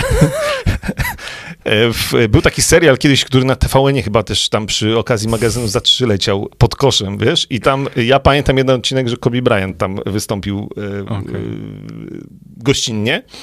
E, nieważne. W każdym razie, Antony Anderson po tym przydługim wstępie kinowym opowiedział historię, jak był na jakiejś imprezie charytatywnej razem z Michaelem Jordanem na Bahamach przez kilka dni. Fajne mają życie, to jeszcze było przed COVID-em. E, I e, on jest oczywiście wielkim fanem Michaela Jordana i najpierw zaproponował mu grę w golfa. Zagrali. On oczywiście gra gorzej od Jordana. Jordan powiedział, że da mu fory, tam ileś tam dołków więcej. No i temu wszystko wychodziło i wygrał. No to Jordan się przestał do niego odzywać przez następne kilka dni. Powiedział, schodząc z pola golfowego, powiedział, nigdy więcej forów dla ciebie. E, i się nie odzywał. Po kilku dniach zobaczył jednak, że mm, Anderson ma pudełko domino z Jumpmanem. Jordana logiem, te wszystkie klocuszki też z tym. E, no i coś tam się jednak przełamał, zainteresował się, o jakie fajne domino, no i zaproponował grę, w, gol w golfa oczywiście grali też na pieniądze, bo Jordan inaczej nie gra, e, w to domino, że też na pieniądze, no i umówili się w końcu, cztery osoby siadły do stołu i Anderson opowiada, miałem nadzieję na sympatyczną rozgrywkę z idolem z dzieciństwa, a Jordan od razu zaczął obrażać moją matkę. Do żony powiedział, Złotko, idź, wypłać wszystkie pieniądze z bankomatu, bo nie będziecie mieli za co żyć. Więc jakby miło nie było. Jordan długo prowadził, e, natomiast Anderson znowu wygrał. I teraz uważaj, Michael Jordan do końca pobytu się do niego nie odezwał i jak robili zdjęcia, nie, że tam, wiesz, oni tylko, tylko grupowe, to e, rzucał do niego tekstów, ciebie i tak nie zna, nikt nie zna, idź stąd, wyjdź z tego zdjęcia, nie chcę mieć z tobą zdjęcia. Natomiast yy, ja jeszcze, wiesz, oczywiście Anderson opowiada to lepiej niż ja, e, więc mi to łzy ciekły, jak tego słuchałem, bo to cały, cały Michael Jordan, on też mówi, że to jest mega zabawny gość, ale nie przepuści ani jednej okazji, żeby rywalizować na pieniądze. No. Natomiast no, na koniec jakby mówi, że od tego wyjazdu są przyjaciółmi, no, są, są kumplami i, e, i tak zaczęła ale to, się Ale to chyba, nie? zobacz, ale to jest taka forma, taki sposób Michaela Jordana na poznanie ludzi, znaczy na takie bliższą, na, zobacz jak Michael Jordan buduje relacje.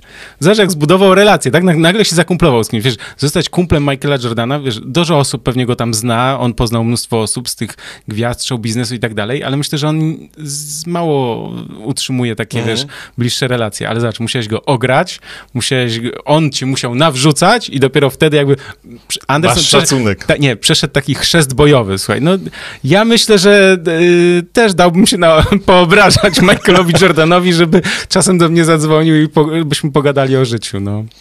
Także mm, to taka historia, która naprawdę mnie urzekła w tym tygodniu. To urzekła mnie twoja historia. Tak, Jakieś poważne tematy teraz dalej?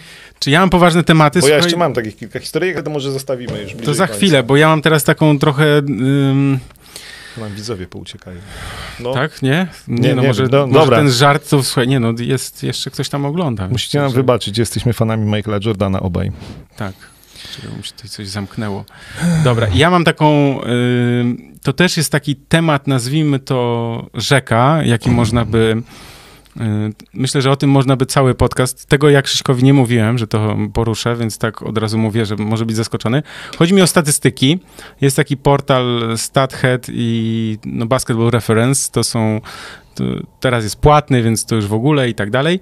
Jest coś takiego, że mm, możesz sobie na przykład sprawdzić ym, team shooting, czyli to, jak twój zespół, który wybierasz, ma, ma skuteczność i jaki jest y, skuteczność y, rywali. I na przykład y, to jest taka ciekawostka, że mm, poczekaj. Oponent. Najlepszy, naj, najgorszą skuteczność rzutów z gry Zgadnij, jaka drużyna zmusza, jakby nazwijmy to, swoich rywali do najgorszej skuteczności. Nie no, jakieś... Stawiał na kogoś, kto dobrze broni, jakieś tam Clippers, czy... New York Knicks.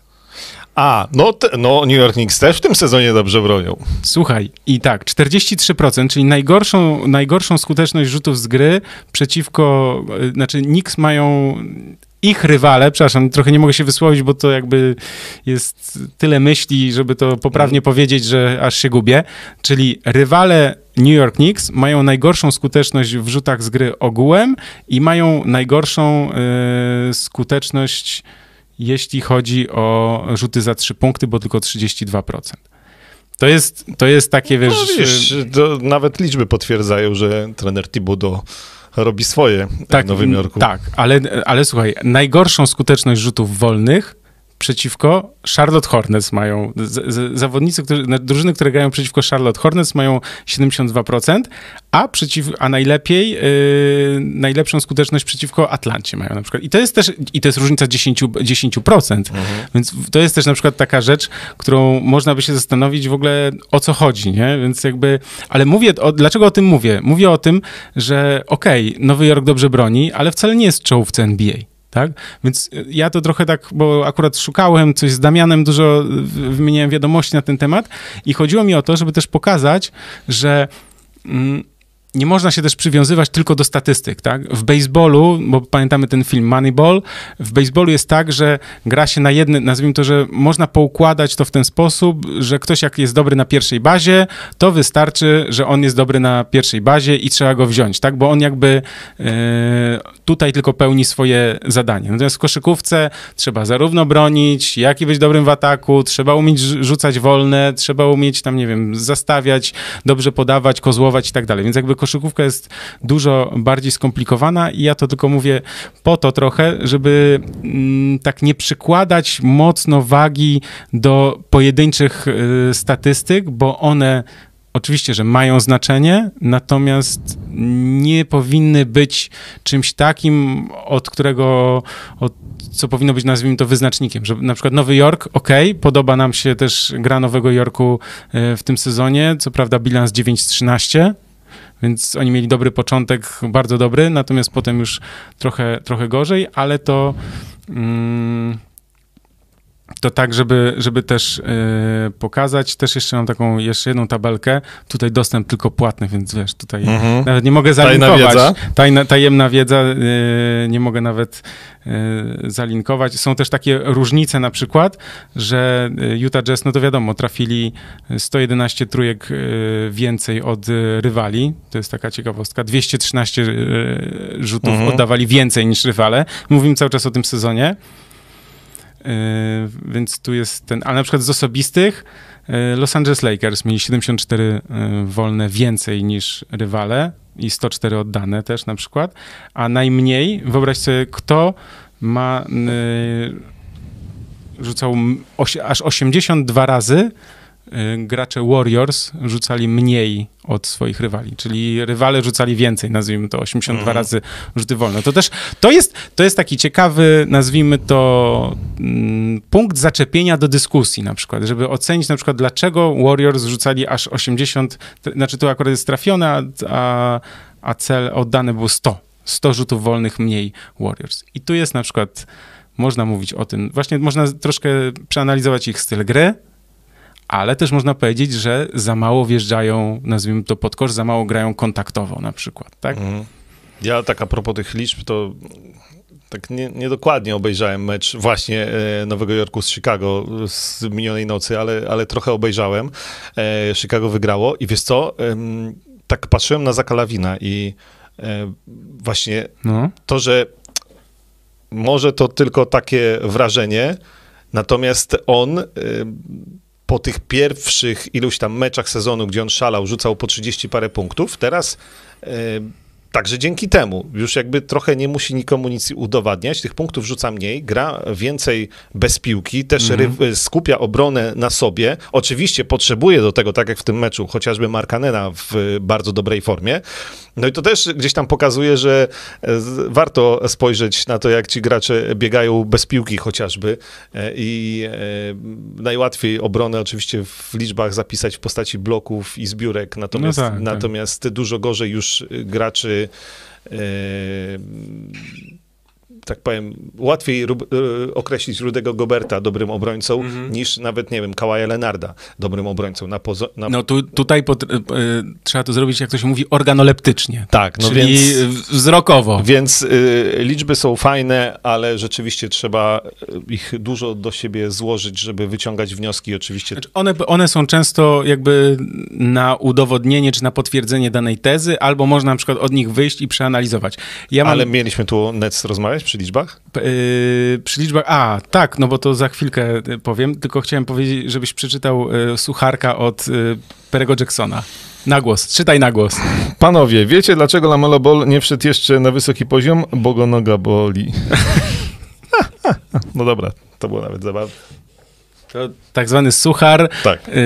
y, solidny suchar. Ja tylko chciałem powiedzieć, że drogi kolego, y, ja jestem mistrzem sucharów, ale nie chcesz, żebym mnie zaczął tutaj, żebym Opowiadać. zaczął nimi strzelać i opowiadać, bo, y, bo będzie, jak to ktoś powiedział, pustynia. Także tak, y, suche jak na pustyni. Tak.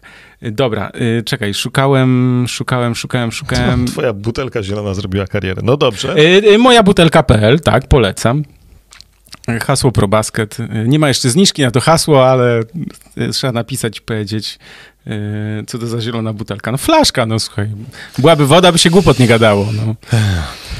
Y, Ja chciałem do Brooklyn Nets, tak? No bo obiecałeś, że o Brooklyn Nets wrócimy przy statystykach, więc...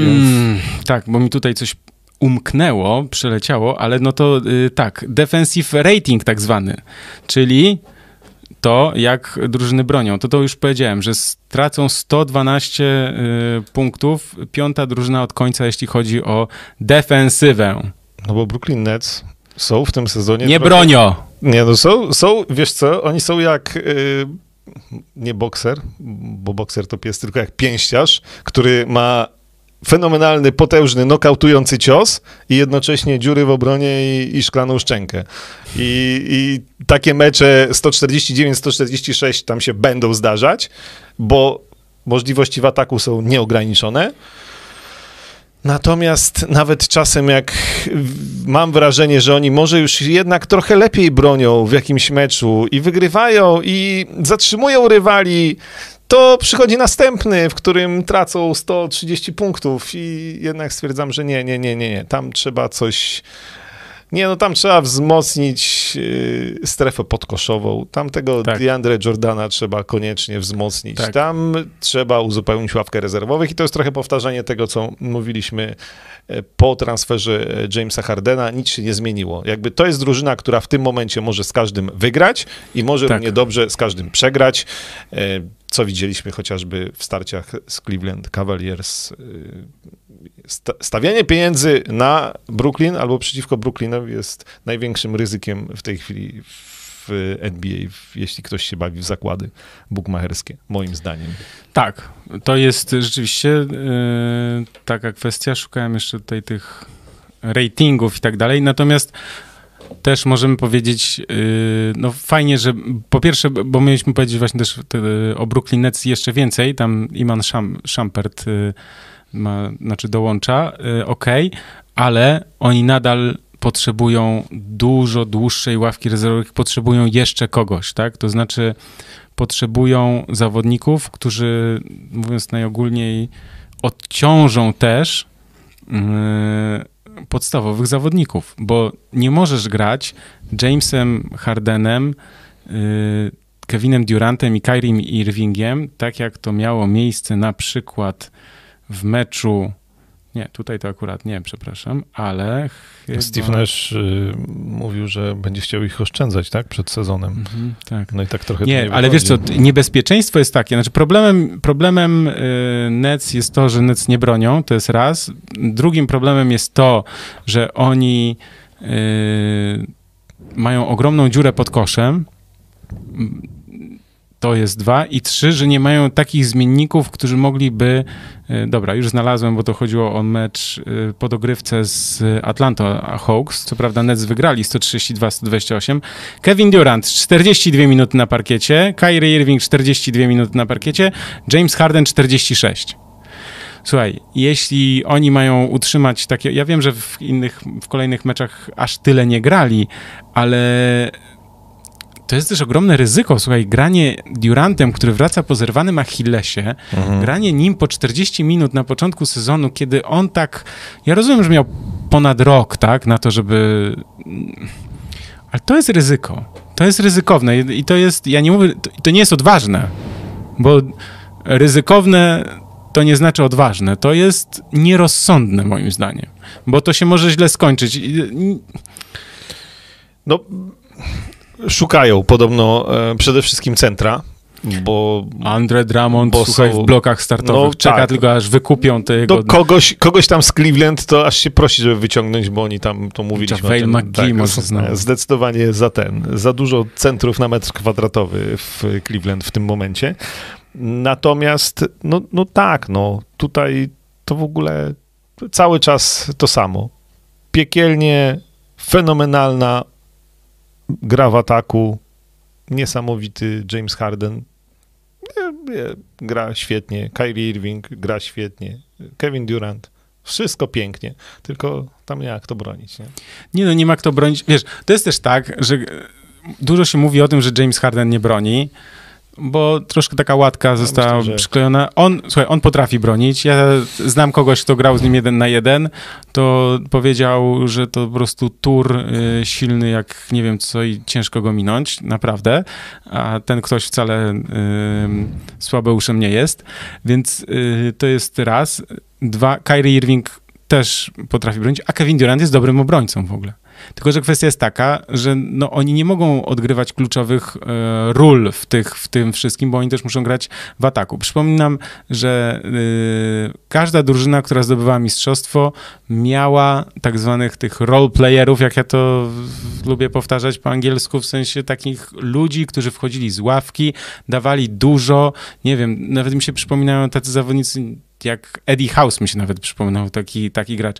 Nie wiem, powtarzany też y, Sean Livingston w Warriors, tak? Wiesz, że y, każdy miał kogoś takiego, kto wchodził z ławki i dawał w tym czasie, kiedy liderzy odpoczywali, to on grał y, w ataku, ale też mieli, byli zawodnicy od defensywy. Czy ty przeczytałeś właśnie Suchara kolejnego? Jezus Maria, nie skończymy tego dzisiaj. Co powiedział Szak, jak pojechał do Egiptu? O Nil. Znaczy, o Nil. W Izraelu. Oj, O. Dobra, co dalej? Słuchajcie, przestańcie sucharami, bo tutaj nam... Poważne rzeczy teraz. Tak jest, Daj bo nam się podcast rzecz. rozjedzie. No. Daj jakąś powa- poważną, Poważną rzecz? Tak. Potencjalne transfery. Proszę. Proszę. No to Ja? Dobrze. Andre Drummond. y, Andre do Drummond, ale...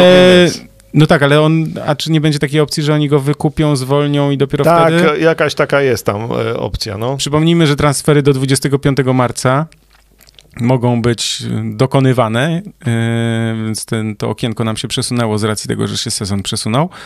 Yy, Derrick Rose, dokąd? Mm, No podobno zainteresowani byli, a trochę to ucichło, Clippers, o których wspominaliśmy, że by im się tam rzeczywiście przydał, ale także New York Knicks. I słuchaj, bo tu jest, to jest coś, co mnie zastanawia, Mhm. bo oczywiście jak się pojawiła ta informacja, że New York Knicks, no to e, śmiechy chichy na mediach społecznościowych, że tam kolana Derricka Rose'a to już uciekają. E, Od w Toma ogóle- Thibodeau, tak? Tak. I teraz ja się zastanawiam, jak to jest, że jest takie przeświadczenie, że Thibodeau załatwił fizycznie Derricka Rose'a i jakby e, tym jego e, katorżniczym stylem pracy e, sprawił, że Derrick Rose się rozsypał, kolokwialnie mówiąc. E, I wielu, wiele osób tak uważa, właśnie czytając No jak się nie znają, to tak uważają. no tylko właśnie, no jakby e, przypominam, że Derrick Rose później grał jeszcze u Thibodeau w Minnesocie, no i teraz e, namawia go do przyjścia do Nowego Jorku, więc to... nie po to, żeby go zajechać po raz trzeci. Więc tak. jakby, Więc jakby- to na obalenie tej tezy w Nowym Jorku e, Derrick Rose też by się przydał, bo on jest lepszy od wszystkich rozgrywających, których ma Thibodeau w tym momencie, bo tam jest Peyton i jest Rivers, tak? W Nowym Jorku. Tak, tam jest jeszcze ten młodzieniec, którego ja nazwiska zapomniałem. W każdym bądź razie Rose w Knicks mógłby nawet nie grać jako wchodzący, a, a pierwszopiątkowy rozgrywający e, i pewnie e, byłaby to świetna opcja dla Dobra, to ja Knicks. wiem, Immanuel Quickly, to Tak. też e, rzucający. Tak, ale wiesz co, jeśli, to ja powiem najpierw, dlaczego Derrick Rose się rozsypał, tak? To znaczy Derrick Rose się rozsypał dlatego, je, doznał kontuzji, ponieważ grał, jego styl gry bazował na dynamice i na bardzo dużych obciążeniach e, jego organizmu i po prostu jego organizm nie wytrzymał. To jest niestety, to się często zdarza w sporcie w ogóle zawodowym i w sporcie ogólnie, tak, że czasem nasze, nasz, nasze ciało nie wytrzymuje pewnych obciążeń. E, Każdy gdzieś tam pewnie, kto, kto coś trenował, to też wie po sobie, że e, pewnych rzeczy się nie da przeskoczyć. No tutaj doszło do takiej sytuacji, że po prostu Derrick Rose no był w, w- rewelacyjnej formie życiowej, najlepszej, przecież on był MVP, e, natomiast no doszło do takiego, on gra po prostu, wiesz, grał mega bardzo na dynamice, no i po prostu ten organizm nie wytrzymał, więc ja bym tutaj ym, uciekał od tego, że to Nie, Thibodeau go zajechał, Tak, to, to... bo pewnych rzeczy nie da się przewidzieć. Oczywiście wiemy, że teraz NBA, to co pamiętamy, że w Golden State Warriors, pamiętasz ta pani od y, przygotowania fizycznego, która badała obciążenia, oni jej nie chcieli dać pieniędzy, ona odeszła chyba do Atlanty, po czym się okazało, że Clay Thompson się rozwalił i Kevin Durant i jeszcze ktoś chyba tam I Cousins chyba też, Yy, po, po powrocie, tak? ale to nie Czy to pamiętam wcze- już, ale nie wiem, no czy do- tam nie, nie ktoś inny, któryś z podkoszowych tam jeszcze, no jakoś była taka, Mhm. wiesz, no w każdym razie, że to jest bardzo ważne dzisiaj. Dzisiaj mam też aparaturę, też aparaturę, mówię, narzędzia takie do mierzenia. 10 lat to jest też kawałek czasu i, i też na pewno te, te takie urządzenia, nazwijmy to, czy maszyny specjalne do badania tych obciążeń też na, na pewno gdzieś to poszło do przodu, więc jakby tutaj z Derrickiem Rose'em, można powiedzieć, że trochę miał pecha, też, myślę, ale, ale też no, pewnych rzeczy się nie da, nie da przeskoczyć. Derrick no. Rose cały czas byłby mocnym punktem drużyny walczącej o mistrzostwo moim zdaniem i Jak najbardziej. I Ja, tak go w pierwszej z- pią- nie, ja go w pierwszej piątce nie widzę. Ja bym jemu, znaczy dla niego na tym etapie kariery, moim zdaniem on by no w takim momencie chyba ludzie wolą jednak, wiesz, no iść do drużyny, która walczy o mistrzostwo, tak? No bo co on miałby, co no, on miałby Detroit- zrobić w Nowym Jorku, no? Aha, tutaj. Co on miałby No zrobić? Znaczy, tak, wiesz, chodzi o to, że- się marnuje, tak, no w Nowym Jorku. Gdyby jeszcze, on mógłby, mógłby być, nie wiem, ewentualnie mentorem na przykład, wiesz, Mhm. no trochę taką rolę Chrisa Pola odegrać, że mentorem dla tych innych graczy, ale nie wiem, czy on jest akurat takim osobowo, Mhm. jeśli chodzi o osobowość. Natomiast takich Clippers super, tak? No, to znaczy, wiesz, no właśnie, żeby te 20 minut grać, dawać dużo właśnie y, z ławki. Nawet w Brooklyn Nets, przepraszam bardzo, ale też, bo też czasem Irvinga i lub Hardena zabraknie, Joe Harris jest, ok, ale tam naprawdę też właśnie on mógłby y, ważną rolę odegrać. Y, Ja tu jeszcze mam takiego gościa, o którym czasem wspominamy i często chyba nawet o nim mówimy, Blake Griffin. E, Tak, no, kolejny, który się marnuje w tym. I Detroit, jest, ale- jest, wygląda na zdrowego, chyba, rzeczywiście. Wiesz co, no tak w tym meczu, ja tam coś obejrzałem w Golden z, z Warriors, to tam ała. E, dobra, nie widziałem, ale ten, ale e, znaczy w kontekście tego, że Blake Griffin jeszcze przydałby się w jakiejś drużynie, e, w której powalczyłby o mistrzostwo, nie jako... No tak, ale to czy on byłby w stanie w ogóle, wiesz, bo to jest z takiego zawodnika, który rzucał po 20 parę punktów na mecz, wiesz, grał po, yy, po 35 minut, no teraz gra po 31 minut, rzuca 12 punktów na mecz. Wiesz, no przy skuteczności, uważaj, 38%. To na gracza jego pokroju, który był raczej na 45-50, to to jest bardzo słabo, no ale on też nie wygląda, tak, jak to powiedzieć kolokwialnie.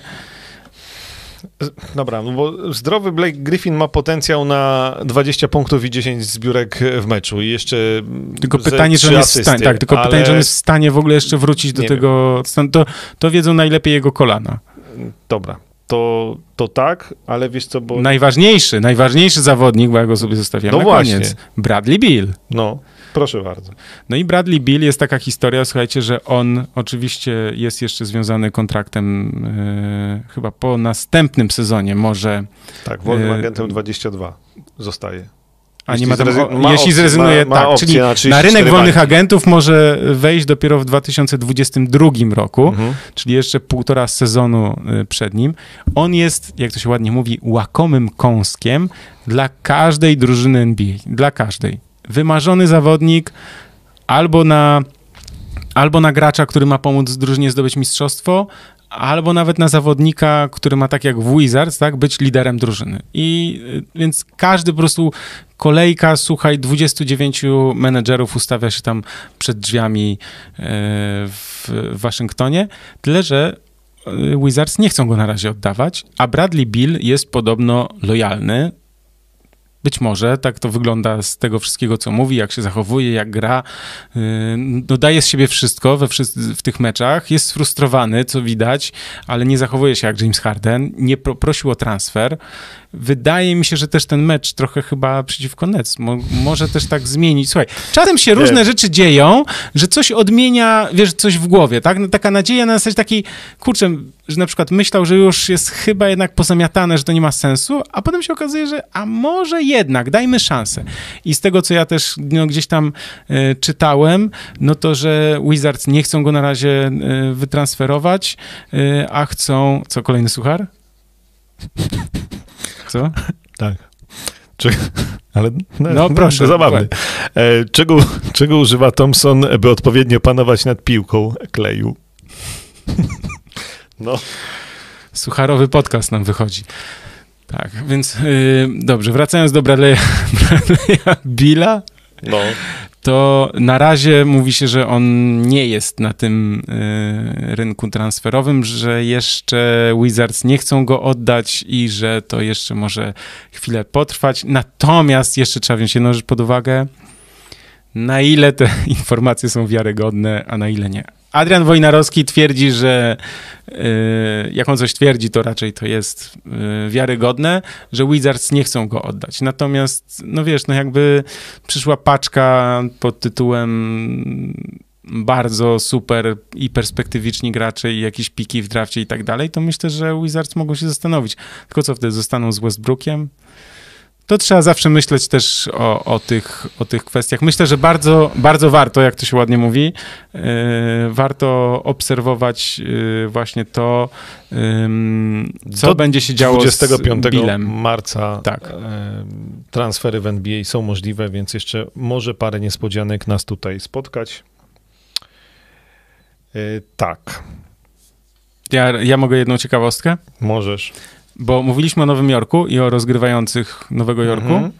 a jest jeszcze taki zawodnik, troszkę zapomniany przez e, świat. Mhm. Nazywa się Dennis Smith Jr. Pamiętasz? No, coś tam pamiętam. Słuchaj, to jest gość, który ma, nie wiem, 1,85 m, wsadzać potrafi, yy, grać w koszat też potrafi ale on był częścią tego transferu. On rzucał tam po paręnaście punktów w Dallas i on przyszedł za Porzingisa. Mhm. I w Nowym Jorku, no on miał też kontuzję, to też trzeba brać pod uwagę. Natomiast w Nowym Jorku, no nawet w pewnym momencie rzucał po prawie 15 punktów, natomiast od dwóch sezonów prawie nie gra, problemy, kontuzje, nie łapie się do składu i tak dalej, i tak dalej. W tym sezonie zagrał w, w trzech meczach zaledwie. Mhm. I uważaj, poprosił o to, żeby go odesłali do G League, czyli tego zaplecza NBA. I teraz to jest cieka ciekawostka, bo y, czemu on to zrobił? To jest zawodnik, który kiedyś, no mówiło się o tym, zresztą LeBron go chyba nawet promował jakoś tak y, mocno, że y, wiesz, to jest, ma 23 lata, dziewiąty numer e, draftu w ogóle, więc mhm. też wysoko, perspektywiczny gracz, ale który trafił w takie miejsca, gdzie po prostu, no, różne okoliczności, wiemy jaka jest organizacja Nowego Jorku, fatalna, więc tam e, też problemy ze zdrowiem e, doszły i wyszło na, na, to, że on nagle został kompletnie zapomniany przez cały świat i on teraz poprosił sam, wiesz, to zejście do G League z, z NBA to też jest taki jednak e, no trzeba ryzykowny, znaczy nie ryzykowny, bo to tylko na chwilę, tak, ale to wiesz, tylko czasami dumę trzeba schować. Y, trudno. No tak, ale on, on, wiesz, on nadal ma ważną umowę, więc to chyba chodzi o to, żeby na chwilę go po prostu tam wysłali, a nie, że na stałe. On, bo będzie bańka w Orlando, taka dla, dla G League i chodzi o to, że on chce przypomnieć o sobie, że on nadal potrafi grać, dumę chowa do kieszeni, i chodzi o to, żeby on pokazał też tym innym generalnym menedżerom, o, słuchajcie, on potrafi grać, może warto go, e, wiesz, wytransferować w sensie do nas. I ja powiem szczerze, szacun, bo myślę, że wielu młodych zawodników za, zadowoliłoby się tymi kilkoma milionami na koncie i po prostu, wiesz, duma by im nie pozwoliła na przejście na taki poziom mhm. niżej, tak? A on mówi, słuchaj, dumę chowam do kieszeni, chcę udowodnić sobie i innym, że jeszcze potrafię grać w basket. Wiesz co, to ja mam też dwóch takich trochę zapomnianych, chociaż w nieco innej sytuacji. Isaiah Thomas, o którym tu niedawno wspominaliśmy, bo było pytanie, czemu nie może znaleźć, a nie może znaleźć klubu w NBA. E, I Joe Johnson, e, no też e, kiedyś naprawdę bardzo e, solidny zawodnik, jeszcze mógłby parę lat pograć, a jest poza, poza NBA. E, I oni, przede wszystkim Isaiah Thomas, bo on to powiedział, mhm. e, bo oni będą występować w reprezentacji Stanów Zjednoczonych. No bo przez no tak. COVID i wspaniałe wymysły FIBA, aby były okienka reprezentacyjne, E, nie uwzględniające sezonów przede wszystkim NBA oraz też Euroligi. Ale poczekaj, ty, czy ty mówisz, Joe Johnson to ten, co grał w Brooklyn Nets, co grał kiedyś w tak, Phoenix tak, i w Atlancie? On ma, on ma 39 lat, słuchaj, to on ma cztery dychy, to nasz rocznik i jest. On także... ma, I on ma podobno... To ten? Ma się pojawić... No, Joe Johnson. No dobra, okej, okay. nie wiem. Nie sprawdzałem. Troszkę cię teraz, za... teraz mnie wybiłeś z rytmu. On, nie, albo on grał w tym, y, tym, tym, jak to się nam nazywało, tym no ten, Ice Cube'a. Y, tak, no. E, natomiast. To USA te, te, Team. Teraz to jeszcze spra sprawdźmy. Ale jak przeczytałem, to, po, to pomyślałem o nim, bo innego Joe Johnsona nie znasz, ale to nie wiesz, znam. Nie, nie. No tak, tak, no, tak, Isaiah tak, Thomas tak. Johnson, więc mhm. tak, tak, tak. No, e, to przede wszystkim Isaiah Thomas, bo on to powiedział jakby wprost w wywiadzie, że on traktuje te występy w reprezentacji Stanów Zjednoczonych, oni będą grali tam turniej o kwalifikacyjny, żeby wystąpić na Mistrzostwach Ameryki, traktuje jako miejsce, w którym chce się pokazać, że on jeszcze potrafi grać w koszykówkę i może dostanie kontrakt w NBA. Dobra, Johnson, rzeczywiście, nie wiedziałem, że on masz cztery dychy. To stary dziad jest. To on, on, już raczej nie wróci, natomiast w reprezentacji Stanów Zjednoczonych ma grać e, między innymi, więc trochę się domyślamy, jaka to będzie zbieranina, jakże ciekawa, e, bo oczywiście też nie będzie Grech Popowicz prowadził tej drużyny, e, no bo wiadomo, że ma inne trochę zajęcia w tym momencie. Więc e, może być ciekawie. E, oni w lutym, a to już niebawem, 19 lutego w, na, w Portoryko grają turniej kwalifikacyjny, e, reprezentacja USA. I to też jest jakby zapowiedź tego, co my możemy zobaczyć na Igrzyskach Olimpijskich y, w Tokio, które jeszcze raz przypominam, zaczynają się dzień Nie, no ale to myślisz, po że... Y, finałach. Nie, ale dzień po finałach, no to najwyżej dole, się doleci, to raz, że się doleci, a dwa, ja że... słabo to widzę. No ale wiesz, no ale wiesz, to 15 nawet... drużyn, znaczy 14 drużyn nie awansuje do playoffów, więc No też... dobrze, ale to będzie, to będzie zbieranina zawodników y, gorsza niż na ostatnich Mistrzostwach Świata. Na ostatnich Mistrzostwach Świata skończyło się w całkiem powiedzmy takim se przyzwoitym składzie. Na siódmym miejscu po zwycięstwie nad Polską, tak? Więc jakby... No tak, ale to są Igrzyska Olimpijskie, a pamiętajmy jeszcze o jednej rzeczy, że Amerykanie mają głęboko w poważaniu Mistrzostwa Świata, bo i tak uważają tak. siebie za Mistrzostwa Świata, a Igrzyska Olimpijskie są takim tak zwanym rarytasem, gdzie każdy chce tak, ale zagrać, polecieć ci najlepsi tak z playoffów nie zagrają na, na, Igrzyskach, moim zdaniem. I będzie słaba, będzie słaba kadra, spokojnie, ale też Andrzeju, będzie trochę innych drużyn osłabionych, moim zdaniem. Znaczy, no tak, no wiesz, no, to jakby, tak. ilu Europejczyków, czy w ogóle ilu zawodników spoza Stanów Zjednoczonych gra przecież więc, w NBA. No. Yy, więc to tak. Tak, Isaiah Thomas i Joe Johnson w reprezentacji Stanów Zjednoczonych. Um, All-Star Game. A właśnie, tak. Ruszamy. Tak, mogę ja powiedzieć krótko. Ja powiem tylko, no? że. Czekaj, dzisiaj jest 2 lutego? Tak. To masz, dzisiaj. Jak, jak masz fajny zegarek. Fajny, nie? E, drugi dzień lutego, dzisiaj, podwójne czyli podwójne te? głosy, więc o. warto zagłosować dzisiaj, pojutrze i jeszcze dwa razy w lutym, głosy razy dwa. Yy, meczu gwiazd nie ma, ale może będzie, ale głosowanie na wszelki wypadek jest. Mi to się podoba, na wszelki wypadek. Ale słuchaj, po, wybiorą, to zawsze będzie tak, że wiesz, gdzieś tam w CV sobie wpiszesz, że zostałeś wybrany do meczu gwiazd. Nie, ale w ogóle wiesz, to jest statystyki, jak Amerykanie uwielbiają, to wiesz. Głosowania, ale, ale też cyferki. jak przy każdym zawodniku masz tam, wiesz, był, nie wiem, MVP sezonu, MVP finałów i ileś tam razy e, All-Starem, no to będzie się liczyło do tego All-Star, a może ten mecz się odbędzie, chociaż chociaż... Y, Dobrze, ja sobie wypisałem tak. Miałoby to się odbyć 7 marca w niedzielę w Atlancie podobno. Y, I to jest potencjalny, ewentualny mecz gwiazd, bo wtedy jest po prostu przerwa.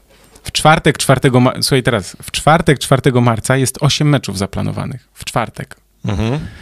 Um, ja też gdzieś słyszałem, bo nie ma jeszcze tego terminarza na drugą no część sezonu. Troszeczkę jest zaległości do zagrania. No, no właśnie, to jest, bo ja przypominam, że ta przerwa te kilka dni, tam tydzień przerwy, miała być na to, żeby rozegrać ewentualnie zaległe mecze.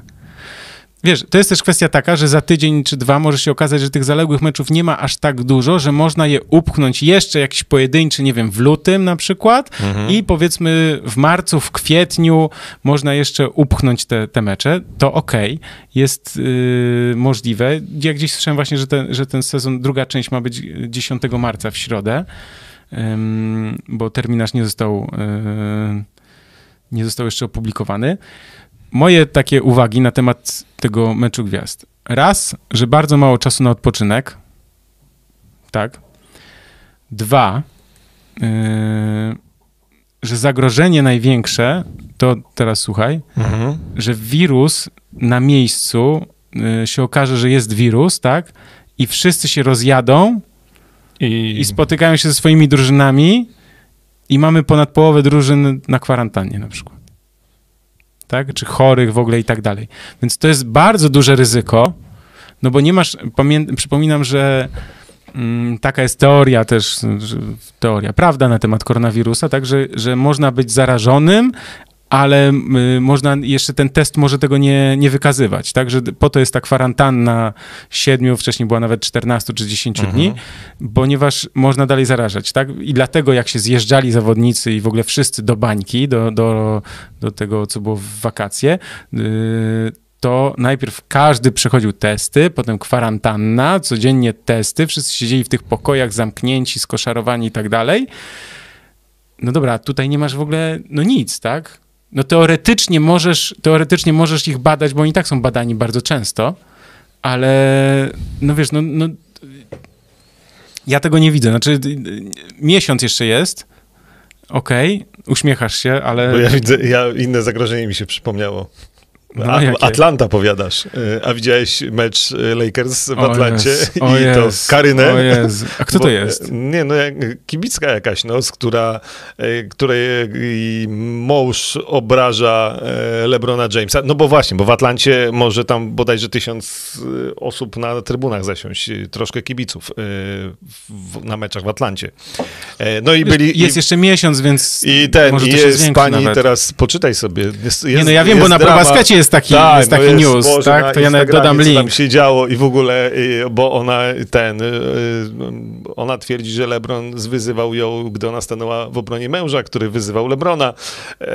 Aha, kamery, czyli... kamery nie uchwyciły, żeby LeBron kogoś obraził, natomiast... Czyli raczej... ona musiała stanąć w obronie tak, męża, tak? No to wspaniała. Dużo słów na F w jej wypowiedziach hmm. po angielsku.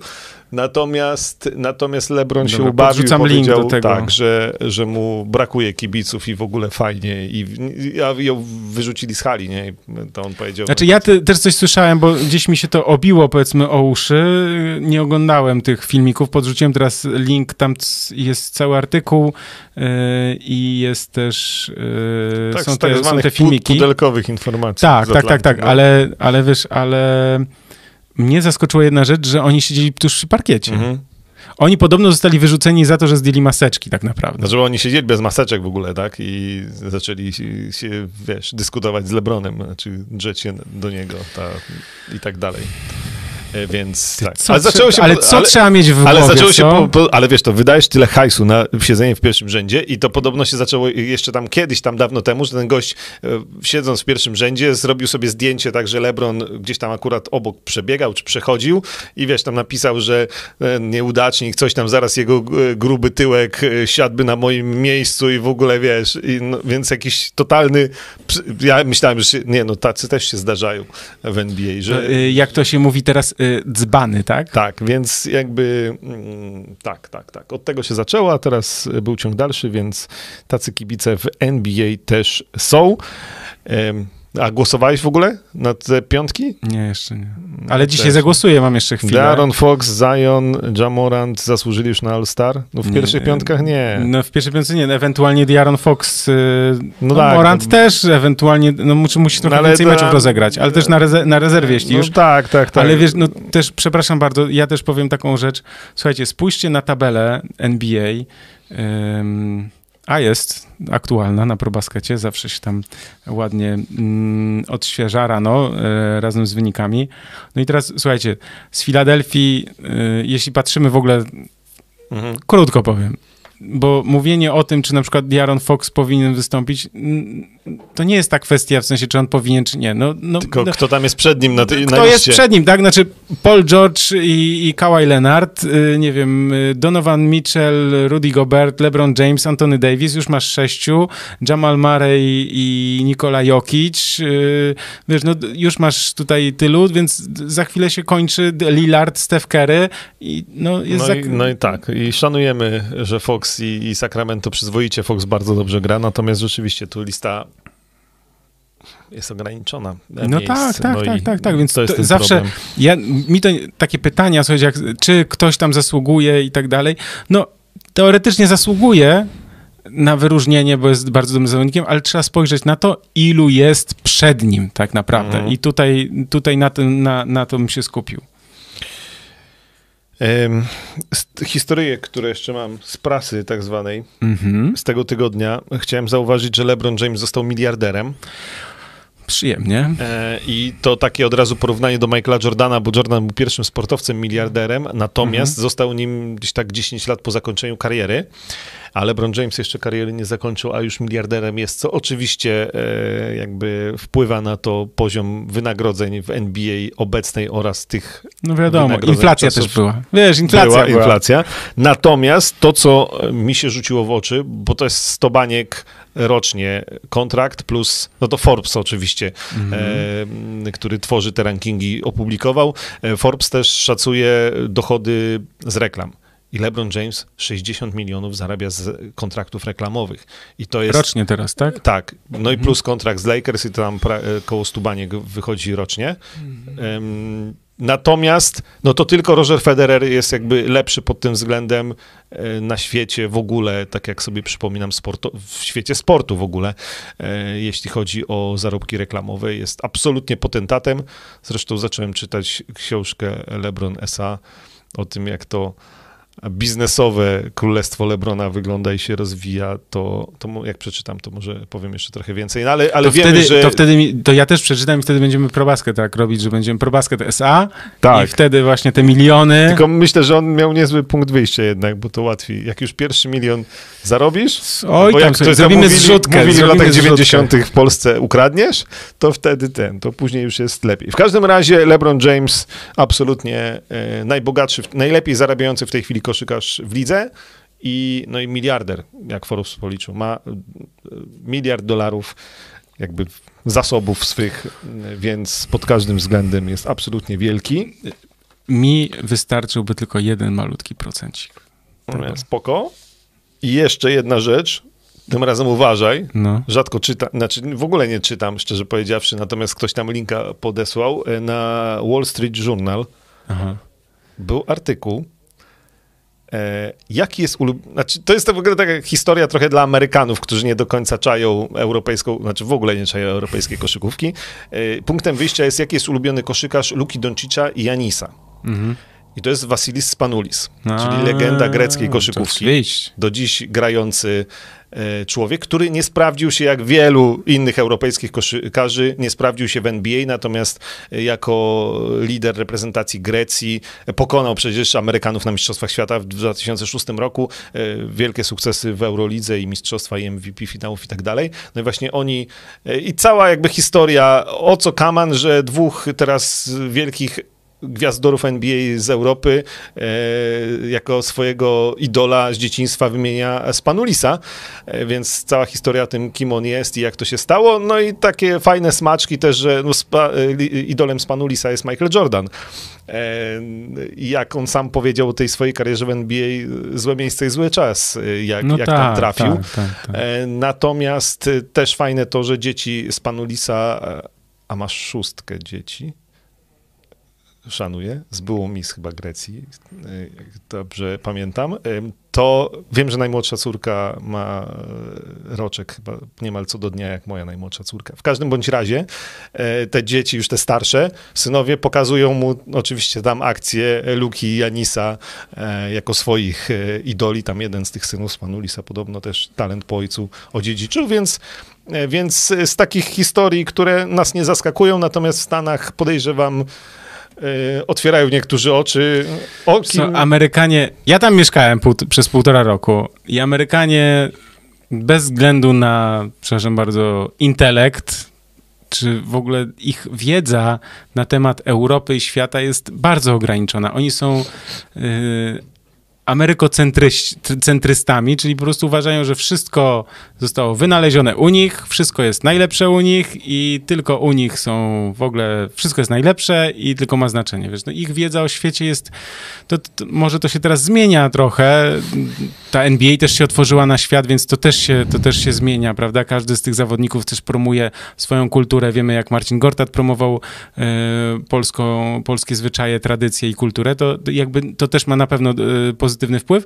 Natomiast rzeczywiście, no oni są czasem właśnie tak zapatrzeni w siebie, że wiesz, w ogóle jadą na Mistrzostwa Świata i właśnie mówią, w ogóle o co chodzi, ale przecież my i tak jesteśmy najlepsi. No a to się okazuje, że, że inaczej. Niekoniecznie. Ja muszę tutaj odpowiem na czy za, przeczytam kilka komentarzy, bo Perry Jackson mówi, że muszą zrobić głosowanie, bo mają w kontraktach premię niektórzy, jak są All-Star. Być może, w sensie, jeśli tak, e, znaczy czy mają premię za All-Star, to nie wiem, ale... W piłkarskich kontraktach to wiem, że to jest. no nie, no w piłkarskich tak, ale, to, ale w NBA nie wiem, czy, czy za to są... to się chyba, bo tam są przy kontraktach, to przy tym, czy jest w pierwszej, drugiej, trzeciej, piątce, All First Team, więc tam wtedy może dostać Supermaxa i tak dalej, i tak dalej. Dobra. E, Karol dostał, e, Karol pisze, że dostałem właśnie maila, żeby głosować na piątki do All Star Game. E, słuchaj, wujek Google śledzi i dobrze wie, co piszesz, więc nie dziw się, że Było pytanie, boty cię znalazły. znalazły no. Było pytanie o Markusa Smarta, podobno 2-3 tygodnie. Tak, jest też na ProBaskecie. A, no no, właśnie. Po co te pytania nie czytacie pro basket? No. E, tak. Czy, e, aha, bo było też, że oj, Jamal Murray do All-Star, no chyba nie. E, tutaj super Artur 56. Słuchaj, i powiem tak, jeśli drużyna jest na pierwszym, drugim, czy trzecim, czy czwartym miejscu, to można być prawie pewnym, w, w, konferencji, to można być prawie pewnym, że tam co najmniej dwóch zawodników wybiorą. No to nie da się, musielibyśmy poszukać i poszperać, czy było tak, że z pierwszych, nazwijmy to, trzech drużyn czy czterech nie było po dwóch graczy. No, to jest, przeważnie moim zdaniem jest tak, że, że jednak y, z tych pierwszych trzech czy czterech drużyn jest, często jest po, po dwóch zawodników, aczkolwiek no, nie mówię, że to na pewno tak będzie, ale że spodziewałbym się takiego, takiego wyboru. Każdy wie, że z Europy najlepszy jest Łukasz Koszarek. Oczywiście. Wiadomo, e, wszyscy to wiemy. E, z tych tak zwanych newsów z ostatnich dni, bo rozmawialiśmy o tym przy okazji transferu wielkiego. Karis Levert uratowany przed nowotworem.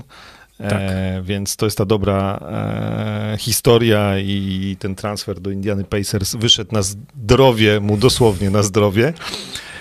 E, I co jeszcze chciałem powiedzieć? Czy chciałem powiedzieć, że od czasu do czasu napiszę coś na ProBasket i ostatnio pisałem o tym, że 40 lat temu NBA po raz pierwszy przeprowadziło retransmisję, bo to nie była transmisja i to było we Włoszech i zaciekawiło mnie to, gdyż nie wiedziałem.